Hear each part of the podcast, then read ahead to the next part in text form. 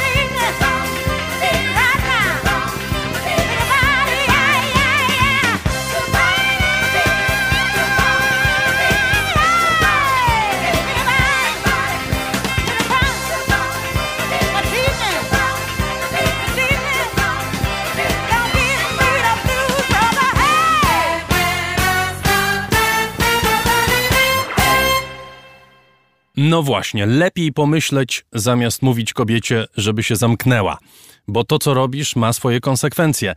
Aretha Franklin na początek raportu, w którym dziś muzyka kobiet i o kobietach, w tym amerykańskich. Zbliżają się najważniejsze na świecie wybory tego roku. Można powiedzieć, że we wtorek Amerykanie głosują w wyborach prezydenckich.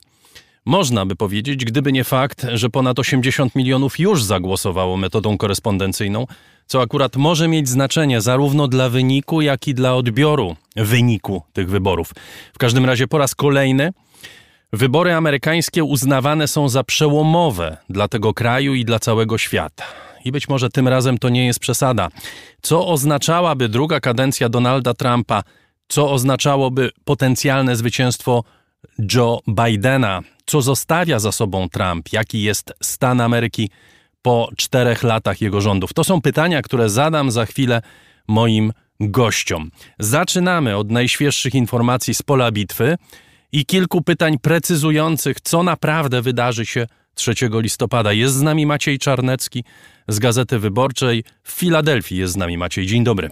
Dzień dobry, witam serdecznie.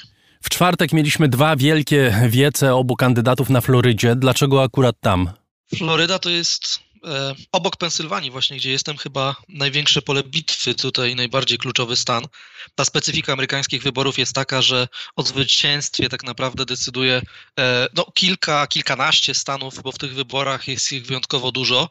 E, I Floryda to jest takie największe e, trofeum, 29 głosów elektorskich, Pensylwania 20, więc nic dziwnego, że e, kandydaci dwoją się i troją i są właśnie tutaj.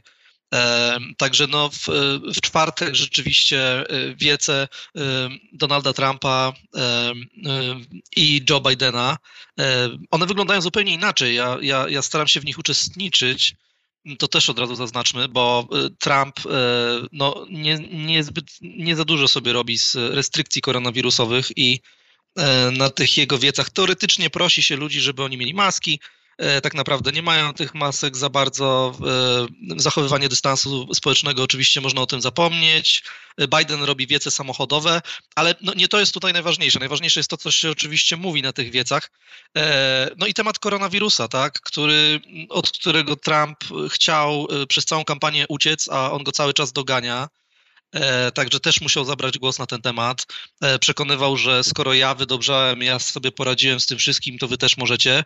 Nie dodał oczywiście tego, że jako prezydent Stanów Zjednoczonych miał e, dostęp do eksperymentalnej terapii trzema środkami, do której żaden ze zwykłych śmiertelników raczej nie ma dostępu. Nie dodał, że jest też, był też otoczony zespołem najlepszych lekarzy w Stanach Zjednoczonych. No i to wytchnął mu też Biden, i, y, który, który na tych swoich y, ograniczonych wiecach gdzieś tam domaga się y, przede wszystkim bardziej spójnej polityki Stanów Zjednoczonych w obliczu zagrożenia koronawirusem. e, Narodowego nakazu noszenia masek, na przykład, e, narodowego takiego systemu testowania. E, I no, oczywiście Biden piętnuje tą reakcję Trumpa na zagrożenie, inaczej być nie może, no bo już pamiętajmy, ponad 230 tysięcy ofiar w Stanach Zjednoczonych. Także to jest zdecydowanie temat numer jeden kampanii. Maćku, tak samo przyglądałem się tym y, wiecom obu kandydatów. To trochę sprawia wrażenie już w tej chwili takich rytuałów. To znaczy, no, nie, nie, nie można sobie wyobrazić, że oni przestaną prowadzić tą kampanię, ale czy Twoim zdaniem te karty już są rozdane? My mamy 80 ponad milionów ludzi, którzy już zagłosowali, a zatem pewnych rzeczy nie da się odkręcić. E, oczywiście, że e, pozostaje jeszcze wiele milionów, które odda głos, ale czy te dni to jest moment, w którym coś jeszcze się będzie zmieniało? Mi się wydaje czasami, jak patrzę na polaryzację amerykańskiej polityki, że te karty już zostały rozdane dawno, dawno temu, e, bo w ostatnich czterech latach ta, ta polityka jeszcze tak bardzo się zastrzyła, że mamy znacznie mniej e, wyborców niezdecydowanych niż w 2016 roku. E, Także to jest jedno. Dwa, dobrze to, dobrze to określiłeś, że te wiece to są trochę takie rytuały. Ja też mam takie wrażenie, bo pytanie w ogóle, jaki jest, jaki jest ich sens tak naprawdę, bo tam przychodzą absolutnie ludzie, y, którzy są już zdeklarowanymi zwolennikami. Ja to widzę zwłaszcza na wiecach Trumpa. Y, To jest taki przegląd jego najbardziej hardkorowej bazy właśnie, bo ja tam spotykam i i tych e, ewangelików, e, którzy, którzy głosują na niego rękami i nogami, e, i jakichś policjantów czy emerytowanych policjantów, którzy są zniesmaczeni atakami na nich ze strony ruchu Black Lives Matter. I no, prze, przeróżne, przeróżne osoby, które po prostu właśnie go wspierają. I, i, I, trzeba przyznać, że te wiece na, naprawdę rzeczywiście bardzo dobrze mobilizują tą bazę, bo raz, że przekaz jest dobrany pod konkretny stan, więc tutaj w Pensylwanii na przykład ostatnio byłem na wiecu Mike'a Pence'a, wiceprezydenta, e, puszczano filmik e, z takimi dość, e, trzeba przyznać, chwiejnymi wypowiedziami Joe Bidena na temat frackingu, czyli tego szczelinowania, tej metody wydobywania gazu z łupków który w Pensy, która w Pensylwanii jest bardzo ważna, e, zapewnia sporo miejsc pracy. Jest też kontrowersyjna, bo oczywiście szkodzi środowisku, ale, ale e, widać, że mają te lekcje odrobione tutaj obaj kandydaci. E, I w, także, także ta, ta, ta, ta lokalność to jest jedno, a dwa, że rzeczywiście wiedzą, do jakich grup też przemawiają. Pence na tym wiecu w pewnym momencie przerwał to swoje takie e, przemówienie merytoryczne i poprosił e, wszystkich zgromadzonych, żeby ci, którzy są e, wojskowymi, później to samo zrobił z policjantami, podnieśli ręce i poprosił ludzi o brawa dla nich za to, co robią dla Ameryki. I wskazywał, widziałem jak z tej mównicy swojej wskazuje jeden po drugim, jedną po drugiej tą, te, te, te osoby, które podniosły ręce i potrafię sobie wyobrazić, jakie to jest przeżycie E, dla tych, którzy tam byli w tłumie, że no, wiceprezydent e, wskazuje na nich palcem i, i, stoją gdzieś tam w tłumie pośród oklasków, także nie mam wątpliwości, co takie osoby zrobią później przy urnie. Maćku, y, wspominałeś o tym, że COVID jest w tej chwili najważniejszym elementem tej kampanii, ale to był szalony rok, to był ostatnie szalone miesiące. Trump w tym swoim przemówieniu kilkukrotnie nawiązywał do anarchistów, do awanturników, którzy podpalają miasta, którzy zwalają pomniki. Jemu nie udaje już się nawiązywać do tego tematu, który dominował życie amerykańskie jeszcze kilka miesięcy temu, czy kilka tygodni temu, powiedzmy szczerze. Tak, on rzeczywiście próbuje głosić te hasła prawa i porządku. To jest to, co wyniosło Richarda Nixona w 1968 roku do władzy. E, natomiast to wydaje mi się, że ma ograniczony zasięg już teraz, bo to są rzeczywiście hasła sprzed 50-60 e, lat które e, wtedy e, były nośne. Teraz badania pokazują w tych kluczowych stanach, że tak no, nie za bardzo. Na pewno one trafiają do pewnej grupy. E, to jest, to jest tak jak w przypadku Nixona w 68, to jest taki trochę ukryty przekaz, jakby wiadomość wysłana dla tych, którzy tak naprawdę nie chcą żadnych zmian w tych rewolucjach kulturowych różnych. Natomiast no, świat idzie do przodu, tak? I badania też pokazują, zobaczmy, jak, jaką stratę ma Trump w Wisconsin czy w Michigan e, do Bidena. Także ja, ja zresztą byłem w Kenoszy w Wisconsin. To jest e, to miejsce, gdzie e, pod koniec sierpnia wybuchły dość duże zamieszki po kolejnej brutalnej interwencji policjanta E, który tym razem ona dotyczyła takiego mężczyzny, któremu strzelono 7 razy w plecy, więc to w zasadzie była próba zabójstwa, tego inaczej nie można określić. E, I tam e, jeszcze do teraz stoją wraki samochodów. Rozmawiałem z właścicielami sklepów, które zostały zniszczone, i nawet ci właściciele sklepów, oni mówili, że ja nie mam wątpliwości, że tam też byli na pewno zwolennicy Trumpa, ale akurat trafiałem częściej na zwolenników demokratów i oni absolutnie nie zmienili swojego zdania. Oni mówią, że tak naprawdę y, kluczem do rozwiązania tych problemów to nie jest y, jakieś machanie szabelką, tylko zmiana tego, co za nimi stoi. I oni nie mieli wątpliwości, to jeden z nich mi powiedział, że y, on będzie głosował na Bidena, bo nie ma wątpliwości, że jak przyjdą kolejne protesty, to znowu będzie trzeba, nie wiem, wstawić jakieś dykty, deski w okna i znowu będzie niespokojnie, bo po prostu dopóki będzie taka brutalność policji, brak odpowiedzialności policjantów e, i systemowy rasizm w Stanach Zjednoczonych, to dopóty będą takie protesty. On e, oczywiście nie, nie popierał tych zamieszek i, i, i to był dla niego dramat, bo on stracił sklep, na który pracował przez 17 lat, cała jego rodzina. Także przez to, że, że jakby fakt protestów wykorzystali też szabrownicy, którzy wykorzystali to, że policjanci byli zajęci e, pilnowaniem porządku i e, gdzieś tam obrabowali mu po prostu ten sklep. To jest jeszcze inny problem. To w Filadelfii też widzieliśmy teraz kilka dni temu były zamieszki i również spore grupy szabrowników się pojawiły. E, natomiast no, nie zmienia to faktu, że te hasła, hasła Donalda Trumpa, no ludzie to widzą, że to jest zagrywka polityczna ludzie to widzą i chyba już tak łatwo Trumpowi nie będzie na tym coś ugrać. Mm, Powiedziałeś y, jedną rzecz ważną. Patrzymy na Florydę, patrzymy na Wisconsin, na kilka innych stanów. Powiedzmy o technicznej stronie tych wyborów, bo nigdy za mało przypominania o tym, co trzeba zrobić, żeby zostać prezydentem Stanów Zjednoczonych. Przypomnijmy, że Hillary Clinton zdobyła w 2016 roku 3 miliony więcej głosów niż Donald Trump i nie była prezydentem Stanów. Tak, i wydaje się, że y, jeżeli cokolwiek możemy mówić o tych wyborach, no to jeżeli cokolwiek jest, y, no nie chcę powiedzieć pewne, ale bardzo prawdopodobne, to jest to, że Joe Biden no też zdobędzie więcej głosów w głosowaniu powszechnym. Natomiast niekoniecznie musi to oznaczać, że on wygra te wybory. Ponieważ, tak jak wspominaliśmy, e, system wyborczy w Stanach jest specyficzny. Głosuje się nie bezpośrednio na kandydata, a na elektorów, którzy wybierają tego kandydata.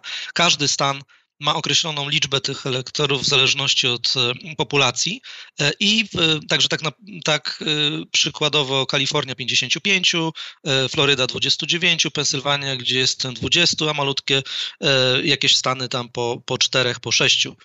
6 na przykład Iowa, tutaj na środkowym zachodzie. I teraz zwycięstwa w każdym stanie zgarnia pełną pulę, czyli wszystkich.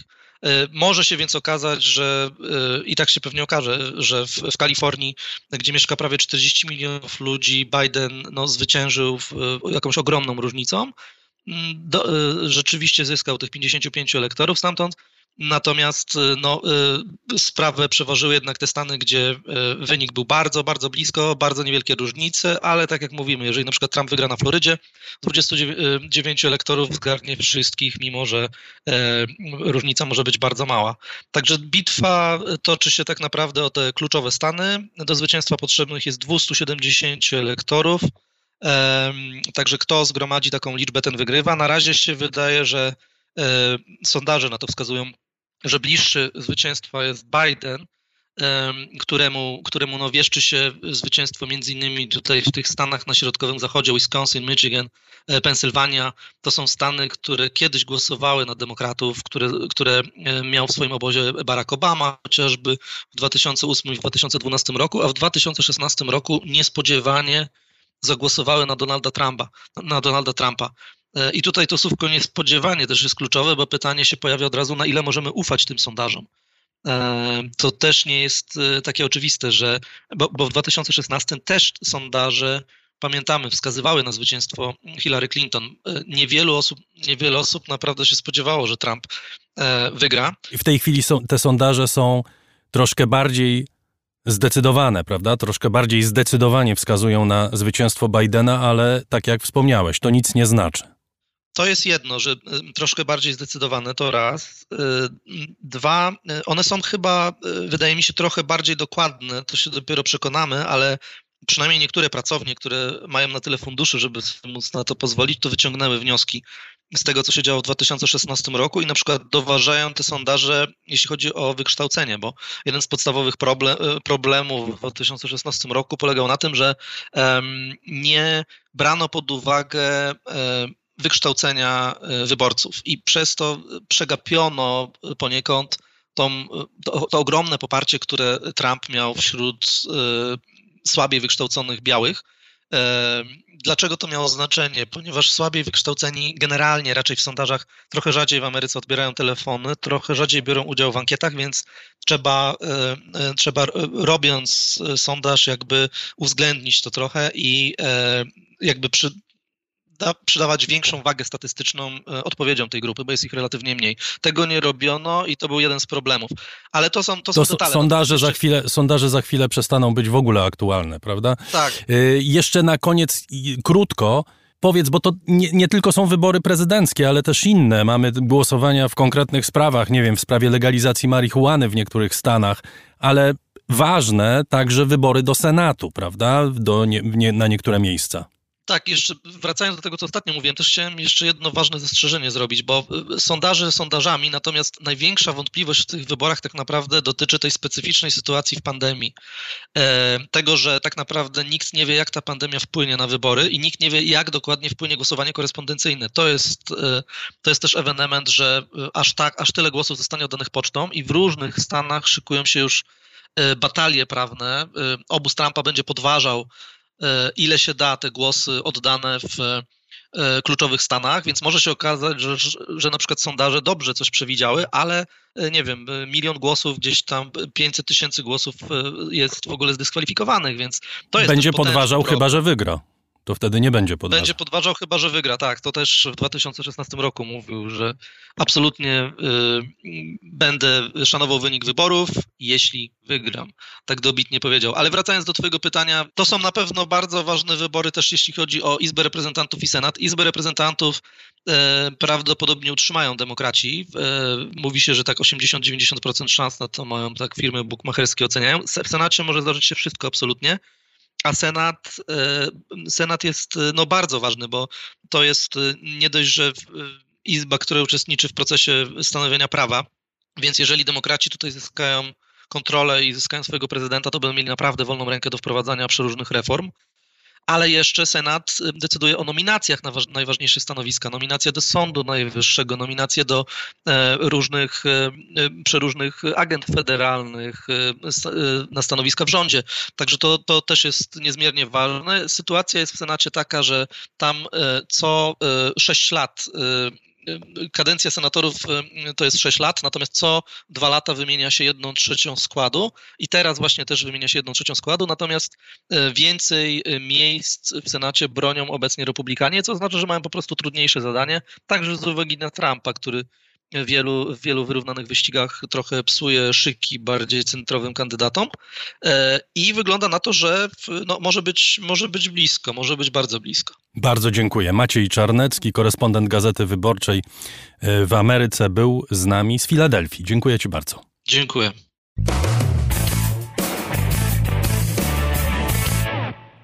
Czy istnieje coś takiego jak trumpizm? Spójny system rządzenia, który ma jakiś cel. Wiem, że to niepopularne pytanie, bo większość wypowiedzi na temat Donalda Trumpa koncentruje się na jego stylu, który, mówiąc najoględniej, jest nieuporządkowany. Ale co udało mu się zrobić podczas pierwszej kadencji? I dlaczego budzi to tak ogromne emocje? Do rozmowy na temat spuścizny Donalda Trumpa. To słowo nie przesądza w żaden sposób wyniku głosowania, ja w ogóle nie mam takiej mocy, żebym przesądzał wynik głosowania, nawet jeśli używam słowa spuścizna. Dobrze, nikt nie wie, jaki będzie wynik, ale chyba można już mówić o diametralnej zmianie amerykańskiej polityki i stylu polityki, który poznaliśmy dzięki obecnemu prezydentowi. A zatem, jak opowiedzieć Donalda Trumpa? Do rozmowy na ten temat zaprosiłem dwóch politologów. W studio jest ze mną dr Olaf Osica, ekspert do spraw międzynarodowych. Dzień dobry. Dzień dobry. A w Krakowie amerykanista z Uniwersytetu Jagiellońskiego, dr Marcin Fatalski. Witam pana. Dzień dobry. Ponieważ pan Marcin jest dalej, to oddajemy panu głos. Jeśli nie interesują nas cechy charakteru Donalda Trumpa, czy jest on mądry, czy głupi, czy czyta książki, czy tweetuje, czy jest pazerny na pieniądze, to co jest najważniejsze Pana zdaniem w tej prezydenturze? To jest zawsze pytanie o to, w jakim stopniu człowiek, przywódca kształtuje rzeczywistość, a w jakim stopniu jest wyrazem pewnych tendencji i trendów, które już się ujawniają w e, świecie polityki, w życiu społecznym. E, I jest chyba tak tym razem, że Donald Trump jest zarówno kimś, kto na tę rzeczywistość wpływa, ale on jest efektem czy wynikiem procesów, które w Stanach Zjednoczonych się zarysowały. Niezależnie od tego, e, co byśmy mówili o wyborach sprzed kilku lat, które wyniosły go do władzy, to Ameryka chyba zbliżała się do takiego momentu przez przesilenia, że ktoś taki jak Trump, może niekoniecznie on, ale ktoś taki, musiał się w e, polityce amerykańskiej pojawić. No i faktycznie on jest wyrazem tendencji, które w ogóle się ujawniają w świecie polityki zachodniej. Zwróćmy uwagę, że ona się stała bardziej populistyczna. Ja wiem, że to jest termin, który wywołuje wielkie emocje i od razu można się wystawić na krytykę tych, którzy podejrzewają mówiącego te słowa o to, że negatywnie nasyca ten termin, to rzecz troszeczkę w czym innym. Tu chodzi o to, że pojawia się człowiek, który, który zdobywa władzę, ustawiając się w roli rzecznika tych, którzy są niezadowoleni z obecnej sytuacji. Zawsze oczywiście jest tak, że się kogoś pokonuje, ale, ale on się ustawiał w roli tego, który się jest spoza establishmentu w ogóle. No, sam fakt, że on doszedł do e, kandydatury w ramach Partii Republikańskiej, odsuwając rzeczywiście przedstawicieli establishmentu partyjnego, choć on sam jest przedstawicielem establishmentu elity społecznej, bez wątpienia, no to już dowodzi, że mamy do czynienia z nowym, e, z nowym zjawiskiem. I tak jak mówię, ono się e, ujawnia także w e, polityce państw Europy Zachodniej w mniejszym bądź większym zakresie. W jakimś sensie, no przecież e, obecny premier brytyjski jest wyrazem podobnych tendencji w polityce. Tak więc przedstawiciel elity społecznej, który na niechęci e, społeczeństwa, część, częściowo rozczarowaniu społeczeństwa do dotychczasowego modelu polityki, rozwoju, e, zdobywa władzę. I pytanie oczywiście teraz, co on e, z tą władzą zrobił? Czy on w jakikolwiek sposób rozwiązał problemy, które definiował często dość trafnie e, jako problemy no, stawiające pod znakiem zapytania przywództwo amerykańskie, hegemonię amerykańską. W tym sensie rzeczywiście jest pole do dyskusji na temat tej prezydentury. Jeśli mielibyśmy, że tak powiem, uderzyć gwóźdź młotkiem konkretnie, i tu do Olafa Osicy się, się zwracam, to co konkretnie prawidłowo zdefiniował Donald Trump? Ja myślę, że y, to jest kilka rzeczy, ale przede wszystkim zmęczenie Amerykanów światem. E, Znaczy te procesy, które zawsze towarzyszyły Stanom Zjednoczonym i to przekonanie tak naprawdę, że to zaangażowanie amerykańskie liczone od II wojny światowej, w okresie zimnej wojny potem w latach 90. e, tak naprawdę Stany Zjednoczone zbudowały cały ład instytucjonalny e, w większości regionów na świecie i były tym, e, można powiedzieć, odźwiernym, który miał klucze do tego ładu. Zapraszał stąd na przykład wejście Chin do Światowej Organizacji Handlu.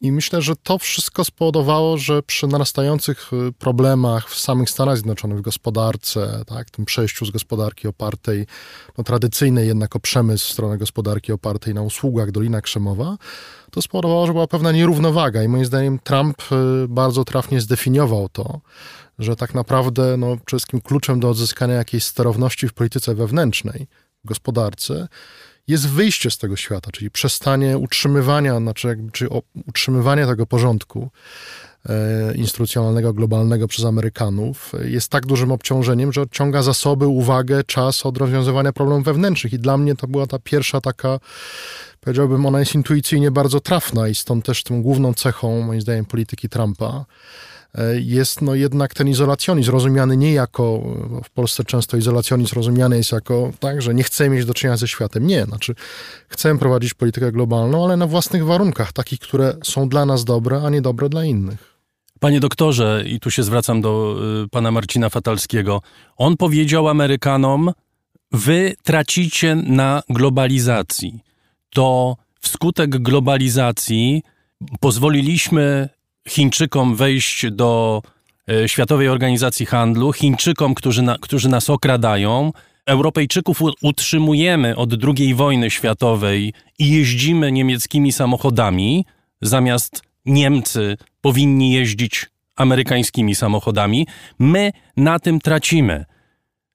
Cokolwiek by nie myśleć o Trumpie, to są mocne i no po prostu prawdziwe stwierdzenia. No, oczywiście. y, Ja się zgadzam z tym, co pan mówi, co powiedział przed chwilą pan Olaf Osica, że, że mamy do czynienia z politykiem, który y, no, mówi Amerykanom coś, co oni czują. To jest jeden z tych polityków, I co nikt inny im do tej pory nie mówił. Owijają, no właśnie, bo on nie owija w bawełnę i to się też znacznej części wyborców podoba. Ja bym powiedział, że czasami mm, przesadzamy z taką, takim po, poczuciem, że dopiero teraz emocje zaczęły rządzić polityką. To nie tak. One rządziły wcze, wcześniej i politycy nawet w pierwszej połowie XX wieku w państwach, w których pozyskiwali popularność, potrafili odwoływać się do emocji i wiedzieli, że nastrój ulicy można zmienić.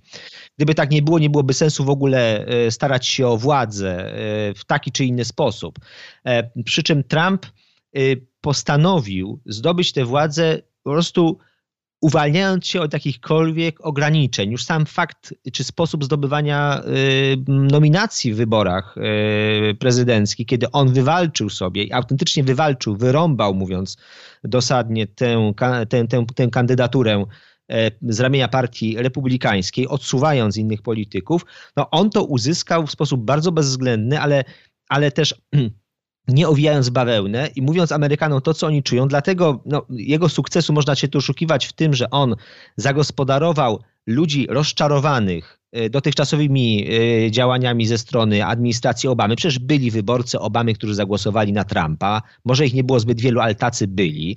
No i uruchomił też wyborców, którzy mieli poglądy powiedzmy oględnie na prawo, to też jest zawsze trudne do zdefiniowania, bo przecież to nie da się tak wszystkiego zmierzyć i zważyć e, w politologii, w politologii zwłaszcza jeżeli chodzi o nastroje społeczne. E, I on ich uruchomił na tyle skutecznie, że dali mu zwycięstwo. I można odnieść wrażenie, że y, on odpowiedział na ich zapotrzebowanie, czy odpowiadał na to zapotrzebowanie przez kilka lat w sposób dość skuteczny, bo zwróćmy uwagę, że ta baza wyborcza Donalda Trumpa, ona nawet teraz jest dość skonsolidowana. Znaczy, on się odwołuje do ludzi, którzy czują się zagrożeni typem przemian na świecie. To już wcześniej miało miejsce.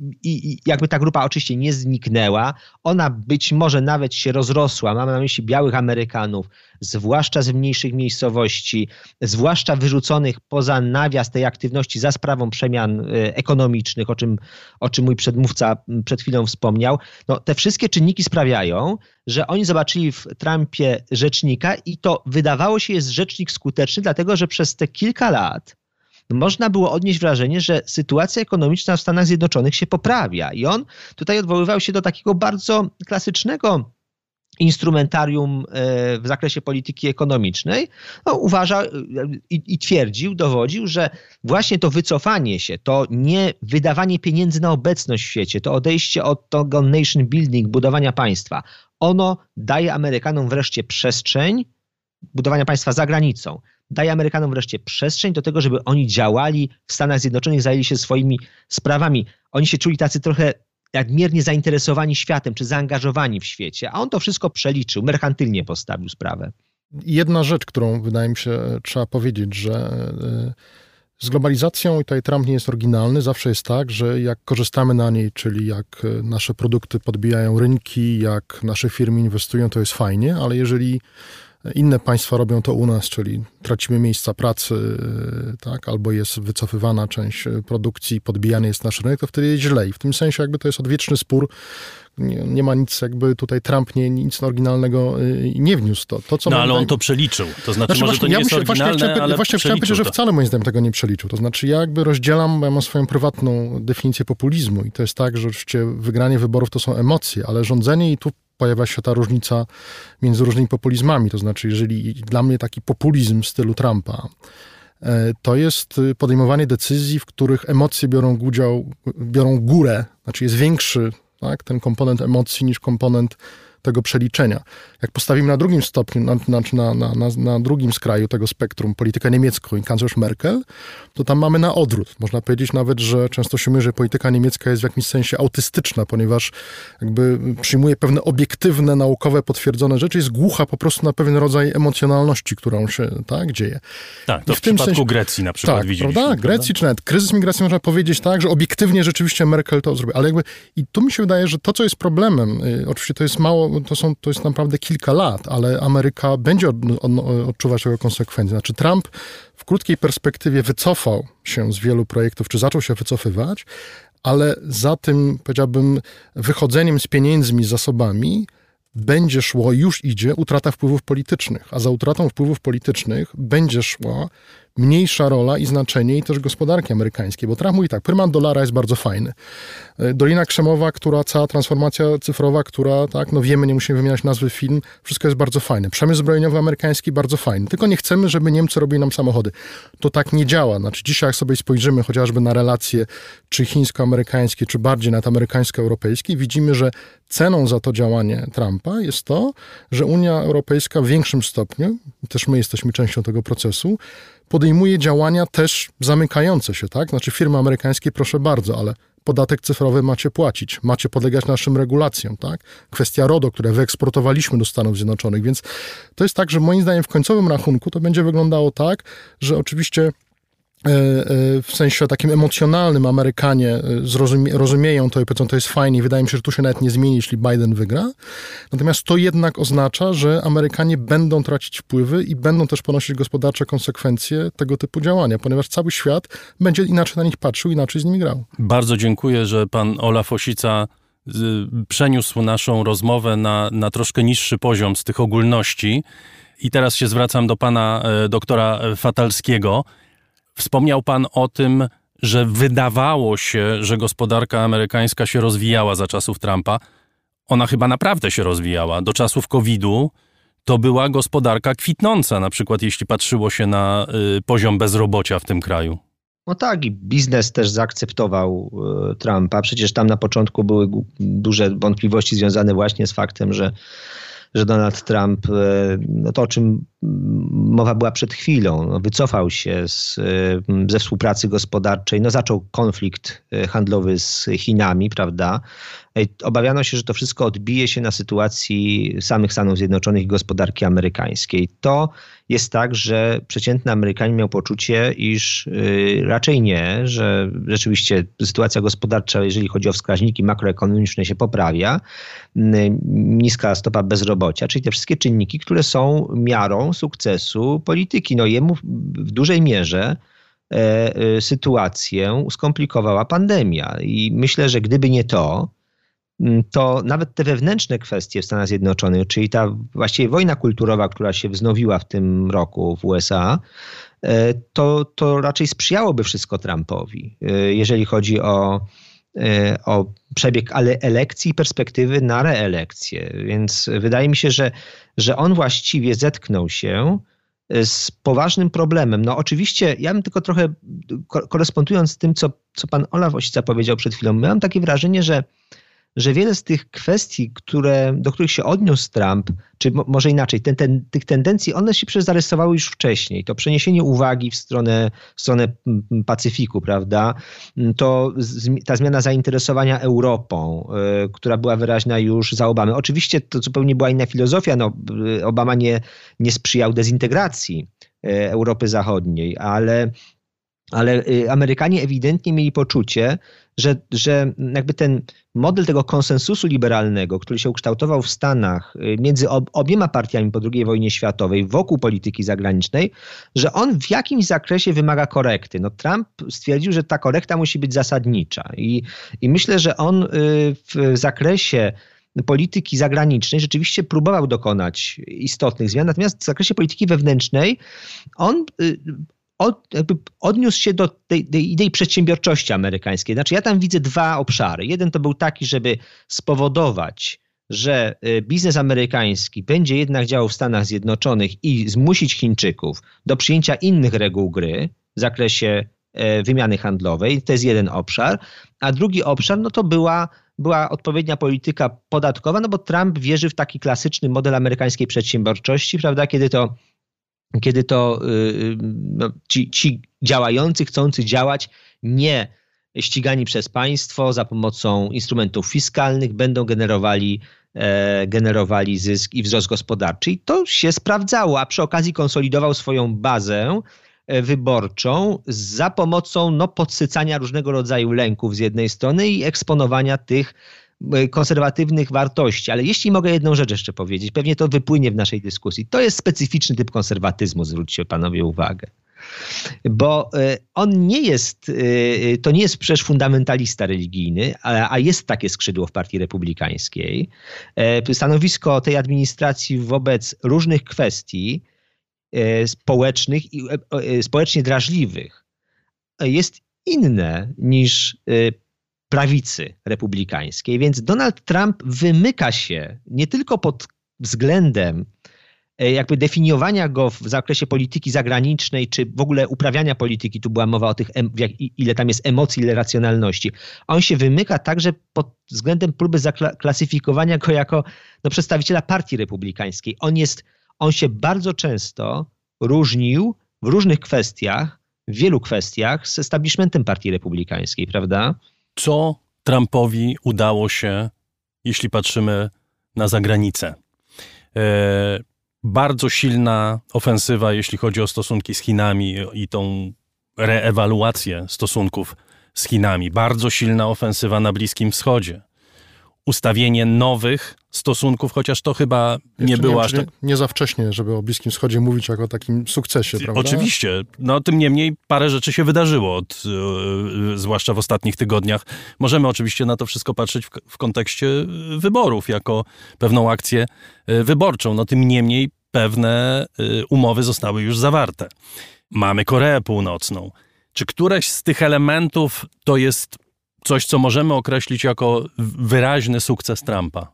To zawsze jest pytanie o, o punkt odniesienia, bo, bo tak jak powiedział wcześniej pan doktor, to nie jest tak, że te rzeczy, które Trump zaczął nazywać i zajmować się nimi, że one wcześniej gdzieś tam z tyłu y, nie tliły się. Problem Chin, rosnącej pozycji Chin, problem Bliskiego Wschodu, no odwieczny problem. Każdy prezydent Stanów Zjednoczonych, dochodząc do, do władzy, mówi, że spowoduje, tak, rozwiąże konflikt bliskowschodni. Do tej pory nikomu się nie udało.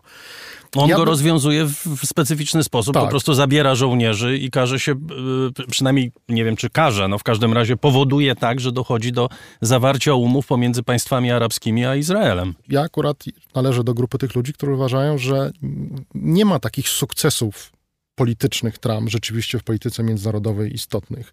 Natomiast to, co jest w jakiś sposób, powiedziałbym, jego sukcesem i być może to się dobrze, że się wydarzyło i nawet, że jest on tego typu człowiekiem, który mówi to w sposób brutalny, jakby uświadomienie wszystkim, od Europy po Bliski Wschód, po różne e, inne regiony, e, daleki, daleki, e, czy region Azji i Pacyfiku, że tak naprawdę koniec ze Stanami Zjednoczonymi jako żandarmem świata. Znaczy, to jest moim zdaniem jego sukces w tym sensie, że on uświadomił wszystkim, jak bardzo e, Ameryka gdzieś tam z tyłu cały czas była i była tym głównym punktem odniesienia i że to się skończyło. I to się skończyło bez względu na to, czy on wygra kolejną kadencję, czy, czy przegra, czy jego następcą będzie e, Biden.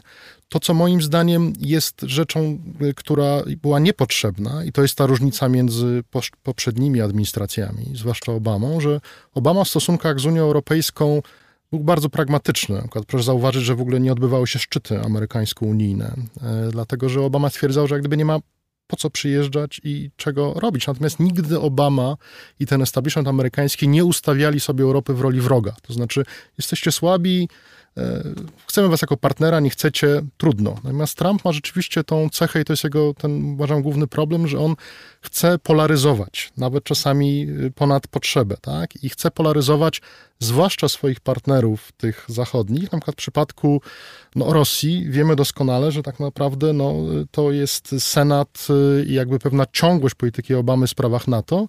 Trump zupełnie z innymi pomysłami dochodzi do władzy, ma zupełnie inny pomysł na Rosję. I mu się podoba w tym sensie ten konserwatyzm, o którym tutaj mówi mój przedmówca, to jest jednak konserwatyzm pewnego lobby, powiedziałbym, takiego kontrrewolucyjnego. To znaczy jest konserwatystą w tym sensie, że po prostu chce się pozbyć wszystkich liberałów na świecie, tak? I oczywiście to jest jakiś, to, to, to, nie, ma, to nie jest spójny intelektualnie żaden nurt, tak? To jest eklektyzm, to jest łączenie różnych kombinacji, ale ta niechęć do świata liberalnego, ta niechęć do liberalnych przywódców, tak?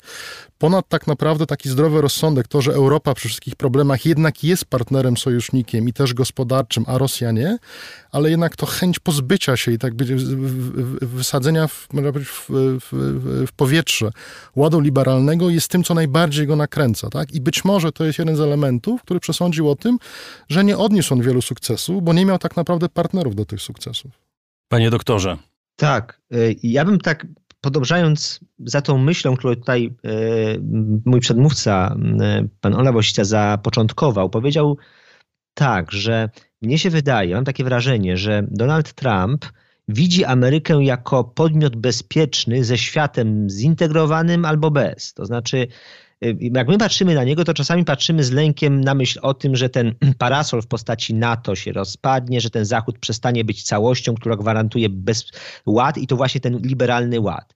Jemu ten liberalizm nie jest do niczego potrzebny, bo on wierzy w wielkość Ameryki. Mam takie wrażenie. Jemu ten świat nie jest potrzebny, zintegrowany i i w ramach właśnie tej, tej wymiany handlowej, wolnego handlu, no bo on uważa, że Stany Zjednoczone sobie poradzą. One sobie poradzą nawet lepiej w sytuacji, kiedy Europa nie będzie występowała jako jeden partner, bo będzie łatwiejsza do rozgrywania. E, Dlatego on, on, on traktuje, on nie ocenia, nie wartościuje tego świata po drugiej stronie, jeśli można tak powiedzieć, no bo dla niego Rosja jest wszystkim partnerem do, do rozmowy i Europa jest takim samym partnerem do rozmowy, a nie do dyskusji o wartościach, kto wyznaje takie czy inne, bo on nie jest prezydentem, który będzie chciał zmieniać e, te wartości. E, I to jest właśnie tak, że on tutaj też podążę za tą myślą. Znaczy ten jego konserwatyzm jest specyficzny, bo z jednej strony są te dominacje do Sądu Najwyższego, które wzbudzają no po prostu rozpacz liberalnej Ameryki, no a z drugiej strony nie, przecież on nie, nie, nie toczy tej wojny kulturowej na przykład w zakresie, nie wiem, e, praw mniejszości seksualnych, prawda? Co go odróżnia z kolei chociażby od konserwatyzmu e, ala Władimir Putin. Więc w tym sensie on trochę traktuje te wszystkie idee jak bufet, to znaczy wybiera to, co jest dla niego istotne z punktu widzenia, y, z punktu widzenia potrzeby takiej agendy. On oczywiście ma jakiś trzon tych poglądów, to znaczy one się odwołują do, do tradycyjnych wartości y, bliskich Amerykanom klasy średniej, Amerykanom zamieszkującym raczej mniejsze miejscowości i białym Amerykanom. Ja oczywiście to jest, to jest pewna klisza i schemat, więc mówię to przy wszystkich zastrzeżeniach a propos tego, co mówię. Natomiast wydaje mi się, że y, on jest też próbą ocalenia starej Ameryki, ta prezydentura, gdyby na nią spojrzeć trochę historycznie i, y, i gdybym miał podsumować to, y, tę prezydenturę w jakiś sposób, to to jest próba obrony starego porządku w różnych wymiarach. Natomiast y, pewne tendencje, które zarysowały się na Zachodzie szeroko rozumianym, one wydają mi się już nie do powstrzymania. Ja nie wiem, na, tytułem przykładu, no, kwestia stosunku Donalda Trumpa do ochrony środowiska. Już nawet, nawet przedsiębiorstwa amerykańskie y, przyjmują powoli, nawet te wielkie przedsiębiorstwa przyjmują powoli koncepcję tej bardziej zielonej energii, prawda? A on cały czas gra na tym, że no my nie będziemy wchodzili na tę ścieżkę, y, którą przyjęła Unia Europejska, my tutaj będziemy bronili naszego modelu biznesowego, no bo on jest opłacalny i odrzucamy te wszystkie teorie, które gdzieś tam w tle są promowane jako, jako metoda walki z globalnym ociepleniem i innymi problemami związanymi z klimatem. No więc to on, on myślę, odwołuje się właśnie to, jakby próbuje po, po, utrzymać tę Amerykę krok wstecz w stosunku do tych tendencji, które się wyraźnie zarysowały no, na zachodzie Europy przede wszystkim, ale też w Stanach ostatnio. Tak, ja się, znaczy, zgadzam się, tylko moim zdaniem to jest właśnie źródło głównego problemu i pewnego ograniczenia y, Trumpa, czy też jego projektu politycznego. I, I moim zdaniem to jest bardzo prawdopodobne, ja dzisiaj bym powiedział, że to będzie go kosztować prezydenturę, dlatego że jak weźmiemy klimat, to to już nie jest jakaś idea szalona, to jest biznes, to jest twardy biznes. Amerykańskie firmy w to wchodzą, dlatego że wiedzą, że jak w to nie wejdą, to przegrają po prostu. Za 10 lat nie będzie tych firm, tak? A, a, a jest wiele firm, które zniknęły w ostatnich y, dekadach. Y, Jeśli chodzi o na przykład kwestie Europy, to oczywiście ja się zgodzę, że, że, że, że tu jakby wartości nie odgrywają roli, ale potem przychodzi problem z Chinami. I okazuje się, że Trump oczekuje od wszystkich sojuszników europejskich w sprawie 5G e, firm chińskich, że one będą realizować de facto e, czy wspomagać e, politykę bezpieczeństwa narodowego Stanów Zjednoczonych. Przecież tak naprawdę tego dotyczy ta kwestia. I, I tu się okazuje, oczywiście część sojuszników mówi tak, część mówi nie, część się zastanawia, ale widać wyraźnie, że inaczej jest to, znaczy, znaczy, że po stronie amerykańskiej jest oczekiwanie, my wam mówimy, macie to robić, bo tak dokładnie wygląda i też takie są wysyłane sygnały pod kątem chociażby naszego regionu i tutaj Chin i, i przewrażliwienia niesamowi- niesamowitego wielu ekspertów, polityków amerykańskich tym, że tutaj Chiny wchodzą do regionu, no ale brakuje tym świadomości. No tak, ale znaczy, jeżeli wy się wycofujecie, tak, znaczy, jeżeli wy się wycofujecie, a następnie składacie żądania, które nas będą kosztować twarde pieniądze, no to przepraszam bardzo, to znaczy, no albo wracamy do tego, co było jakby istotą Sojuszu Europy i Ameryki, czyli wy wkładacie tu pieniądze, bo za te pieniądze nie tylko robicie dodatkowe pieniądze, ale macie wpływ polityczny i możecie rzeczywiście zapewniać to bezpieczeństwo Ameryki z daleka od granic amerykańskich, albo stąd wychodzicie intelektualnie, finansowo, ale potem jak przychodzicie z problemami, no to przepraszam, to znaczy siadamy i rozmawiamy, ale nie ma w tym żadnego automatyzmu. I to na przykład to,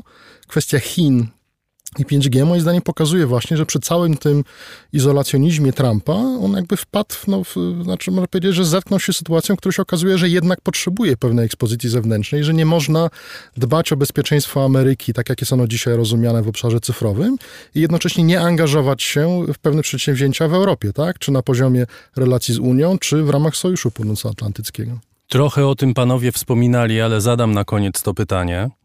Czy jeśli Joe Biden wygra te wybory, to w Stanach Zjednoczonych y, zmieni się tylko styl uprawiania polityki przez prezydenta? Nie wiem, odetchnie Hollywood i odetchną y, liberalne media, które y, wreszcie będą miały swojego prezydenta.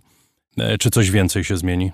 Jeśli y, miałbym powiedzieć, to oczywiście zmieni się więcej. Moim zdaniem zdecydowanie zmieni się więcej, dlatego że poziom polaryzacji jest głęboki. To nie są, to nie są spory wywołane na potrzeby, nie wiem, konfliktu politycznego. Bywało tak w przeszłości, że po prostu toczył się spór między partiami, które co do istotnych elementów się zgadzały. Myślę, że najbardziej, najbardziej wyraziste różnice e, zaznaczą się w zakresie polityki zagranicznej, że niezależnie od tego, jak zgodziliśmy się tutaj, Trump wzmocnił może pewne tendencje y, zauważane już wcześniej w polityce zagranicznej Stanów Zjednoczonych, to jednak podejście e, Bidena do kwestii sojuszy Stanów Zjednoczonych, w szczególności ze światem tutaj zachodnim, e, to jest moim, w moim przekonaniu różnica fundamentalna w stosunku do obecnie urzędującego prezydenta. Podobnie też będzie w kwestiach związanych właśnie ze środowiskiem, e, z różnymi rozwiązaniami dotyczącymi mm, e, polityki wewnętrznej, ale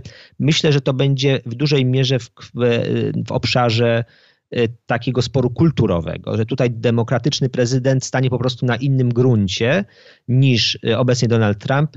E, W kwestiach ekonomicznych już bym nie był taki zdecydowany. To myślę, że tutaj może ta różnica być nieco mniejsza, jeżeli chodzi o te instrumenty na przykład fiskalne. Po pierwsze, w polityce zagranicznej to, co się zmieni, że partnerem będzie państwo amerykańskie, a nie prezydent.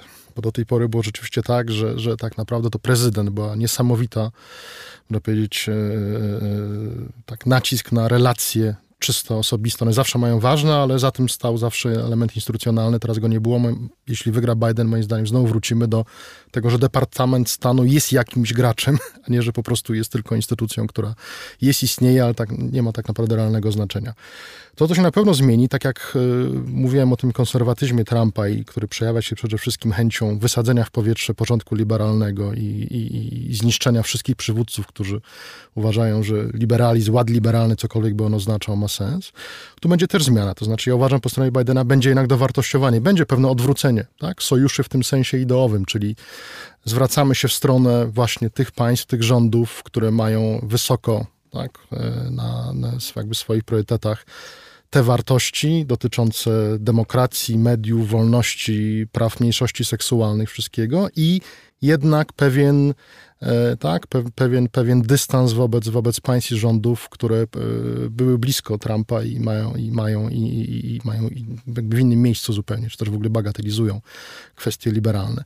Natomiast to, co moim zdaniem jest taką najważniejszą rzeczą, to to, że ponieważ Ameryka jest w kryzysie, jest w głębokim kryzysie, jest w kryzysie nie tylko gospodarczym, ale też no, myślę, że ten COVID, pandemia, ona dla większości państw też zachodnich była pewnego rodzaju stres testem i moje wrażenie jest takie, a mówię to, patrzę to z perspektywy polskiej, europejskiej, no, że te obrazki, które widzieliśmy w ostatnich miesiącach, to były obrazki jak z trzeciego świata momentami, jeśli chodzi o to, jak Stany Zjednoczone przechodziły. I to będzie oznaczało tak naprawdę, że Ameryka przy wszystkich nawet chęciach do Bidena, do odbudowy sojuszu, większego się zaangażowania, pewnych zmian, będzie coraz bardziej introwertyczna, ponieważ te problemy wewnętrzne, one nie są do rozwiązania na rok, na dwa, one są na wiele, wiele kadencji i dlatego y, myślę, że będziemy y, widzieć y, inną Amerykę, inną twarz, jeśli wygra Biden, słyszeć inne y, komunikaty, co nie zmieni faktu, że Ameryka będzie coraz bardziej skoncentrowana na sobie, bo po prostu musi być. Doktor Olaf Osica, ekspert do spraw międzynarodowych, był ze mną w studio w Warszawie, a w Krakowie amerykanista z Uniwersytetu Jagiellońskiego dr Marcin Fatalski. Dziękuję panom. Dziękuję bardzo. Dziękuję bardzo.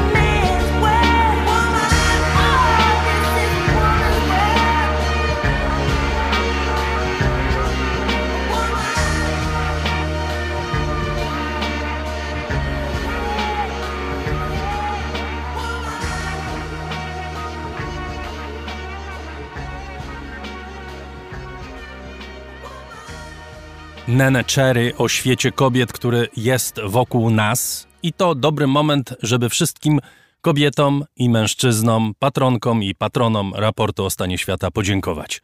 Bez was by mnie tu nie było.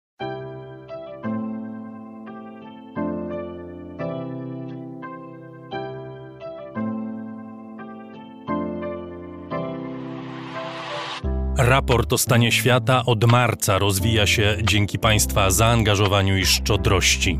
To dzięki Wam możemy opowiadać o świecie przy pomocy dźwięków. Dzięki Wam ten program jest przygotowywany w profesjonalny sposób z zachowaniem najwyższej jakości, bo na nią właśnie zasługują słuchacze raportu o stanie świata. Z serca dziękuję wszystkim Państwu za wpłaty. Wasza hojność jest dla mnie ogromnym zobowiązaniem. Zbiórka na patronite.pl ciągle trwa, zachęcam do udziału. Najhojniejsi patroni raportu o stanie świata to firma Prosper z Sosnowca, hurtownia elektroenergetyczna i właściciel marki Czystuś. Firma Venterm, instalacje fotowoltaiczne z Dąbrowy koło Niepołomic. Krzysztof Gorzkowski, Michał Małkiewicz. Firma Software Mill, od zawsze zdalni, programują dla całego świata. Dom wydawniczy Muza, bo świat nie jest nam obojętny. Uber, myślimy globalnie, działamy lokalnie.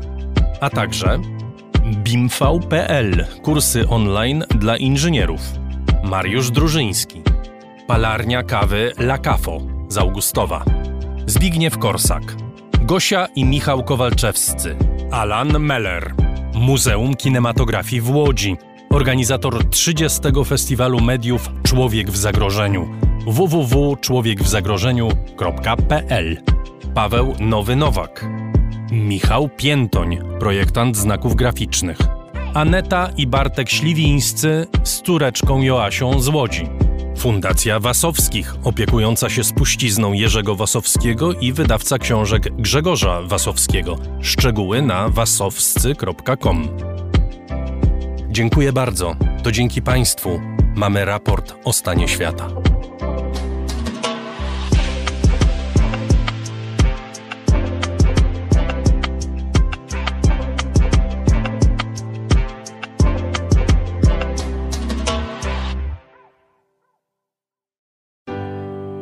Come, mothers and fathers throughout the land, and don't criticize what you can't understand.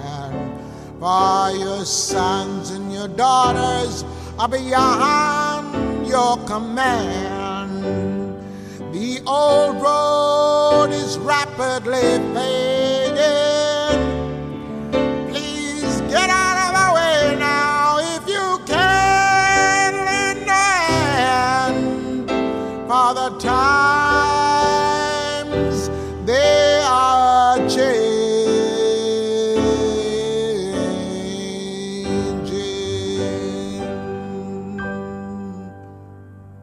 Czasy się zmieniają. To taka perełka w wykonaniu Niny Simone. Czasy się zmieniają, ale nie wszędzie. W niektórych miejscach powraca koszmar znany z niedawnej przeszłości. Trzy osoby zginęły w zamachu dokonanym w bazylice Notre Dame w Nicei. Prezydent Macron określił ten zamach jako islamistyczny atak terrorystyczny, a burmistrz Nicei mówił o akcie islamofaszyzmu. Podczas mordowania ludzi sprawca krzyczał Allahu Akbar. W czwartek miał również miejsce inny atak, prawdopodobnie również terrorystyczny, niedaleko Avignonu. Sprawca został zabity przez policję. We Francji wprowadzono najwyższy stopień zagrożenia terrorystycznego. To wszystko odbywa się w dramatycznym momencie dla kraju z kilku powodów, przede wszystkim ze względu na rosnącą liczbę zachorowań i zgonów na COVID. Od piątku w kraju obowiązuje ścisły lockdown a także w ogniu sporu, jaki od kilku dni toczy się między prezydentem Macronem a niektórymi przywódcami państw muzułmańskich. Chodzi o krytyczne wypowiedzi Macrona na temat islamu i zapowiedź reform mających na celu wykorzenienie skrajnych przejawów islamizmu w tym kraju. Jest z nami Adam Balcer z Kolegium Europy Wschodniej. Dzień dobry. Dzień dobry. Mamy kolejną tragedię we Francji, morderstwo dokonane w bardzo podobny sposób jak to poprzednie e, zabójstwo nauczyciela pod Paryżem Samuela Patiego. Tym razem starszej kobiecie w kościele po prostu sprawca odciął głowę. Dramat osobisty, dramat dla kraju i zapewne przyczynek do kolejnej eskalacji tego konfliktu, o którym mówiłem, Macrona, czyli Francji chyba, z tą częścią świata muzułmańskiego. No to jest, y, jak zauważyłeś, y, problem na pewno wielowymiarowy, y, bo jest to oczywiście też problem bardzo poważny wewnętrzny francuski.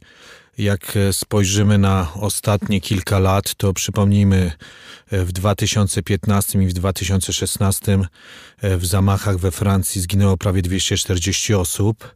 E, To jest bez porównania z jakimkolwiek krajem w Europie.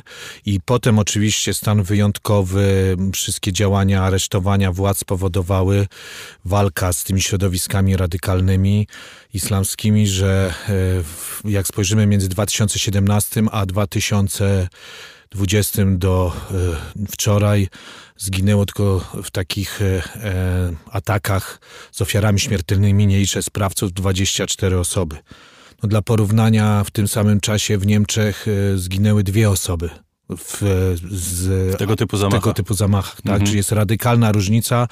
e, e, dwadzie- e, 12 do 1, wcześniej ta proporcja była jeszcze większa, tak?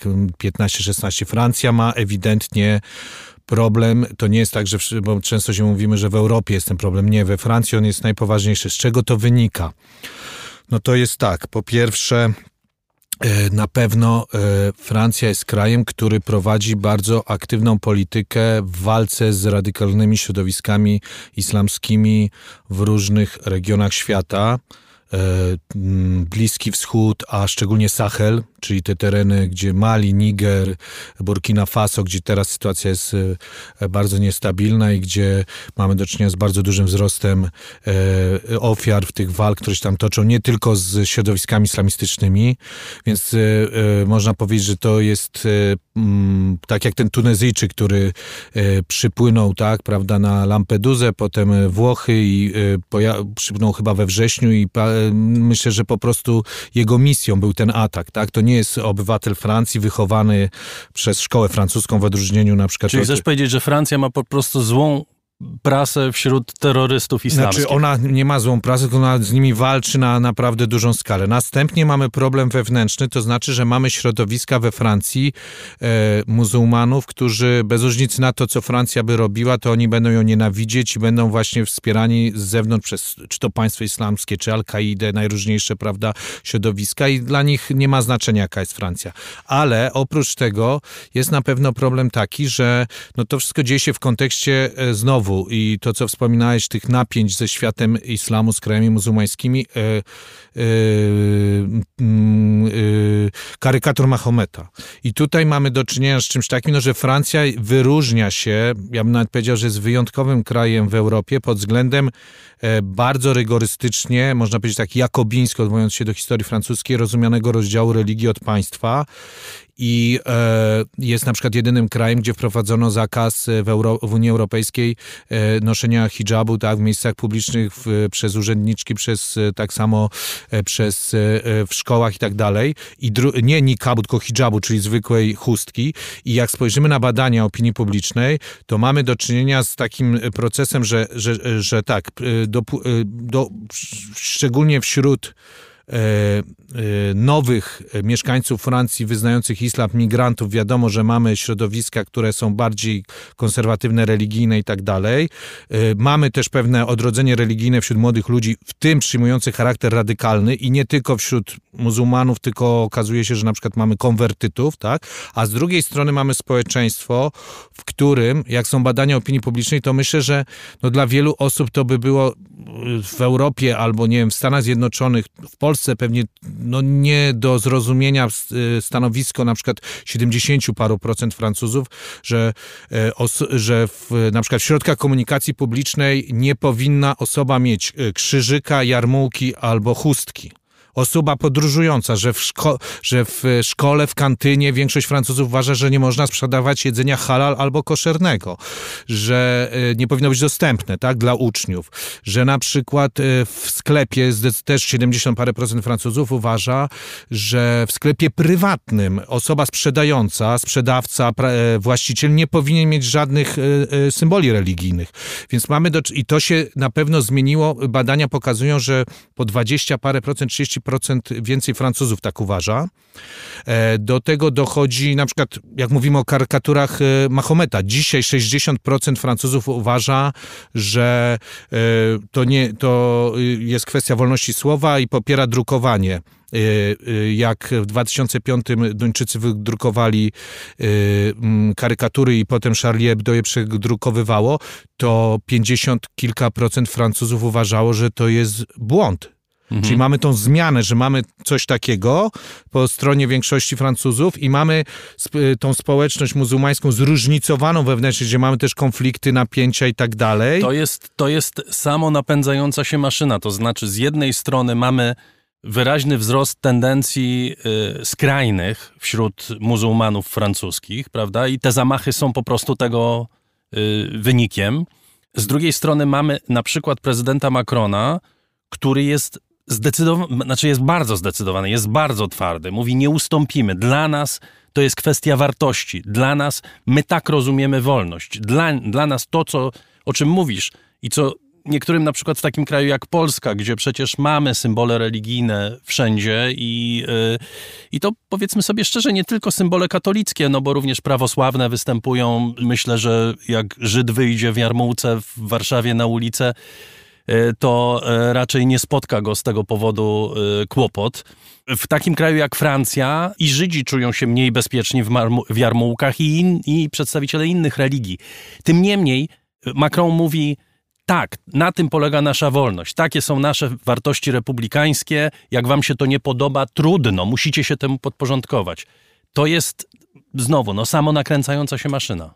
W jakim stopniu taki e, to społeczeństwo, to znaczy to jest też, e, przypomnijmy, no, kwestia polityczna, bo cały czas e, Macron czuje oddech na plecach pani Le Pen, Marine Le Pen, która jest głównym jego przeciwnikiem i na pewno spotkają się w drugiej turze w wyborach prezydenckich i ona gra tą kartą. Ona się sama przesunęła do środka. Mamy też ten paradoks, że jak są badania opinii publicznej, to w niektórych badaniach widać, że nawet kilkanaście procent osób wywodzących się o korzeniach muzułmańskich go- deklaruje, że w drugiej turze mogłoby na nią zagłosować, tak?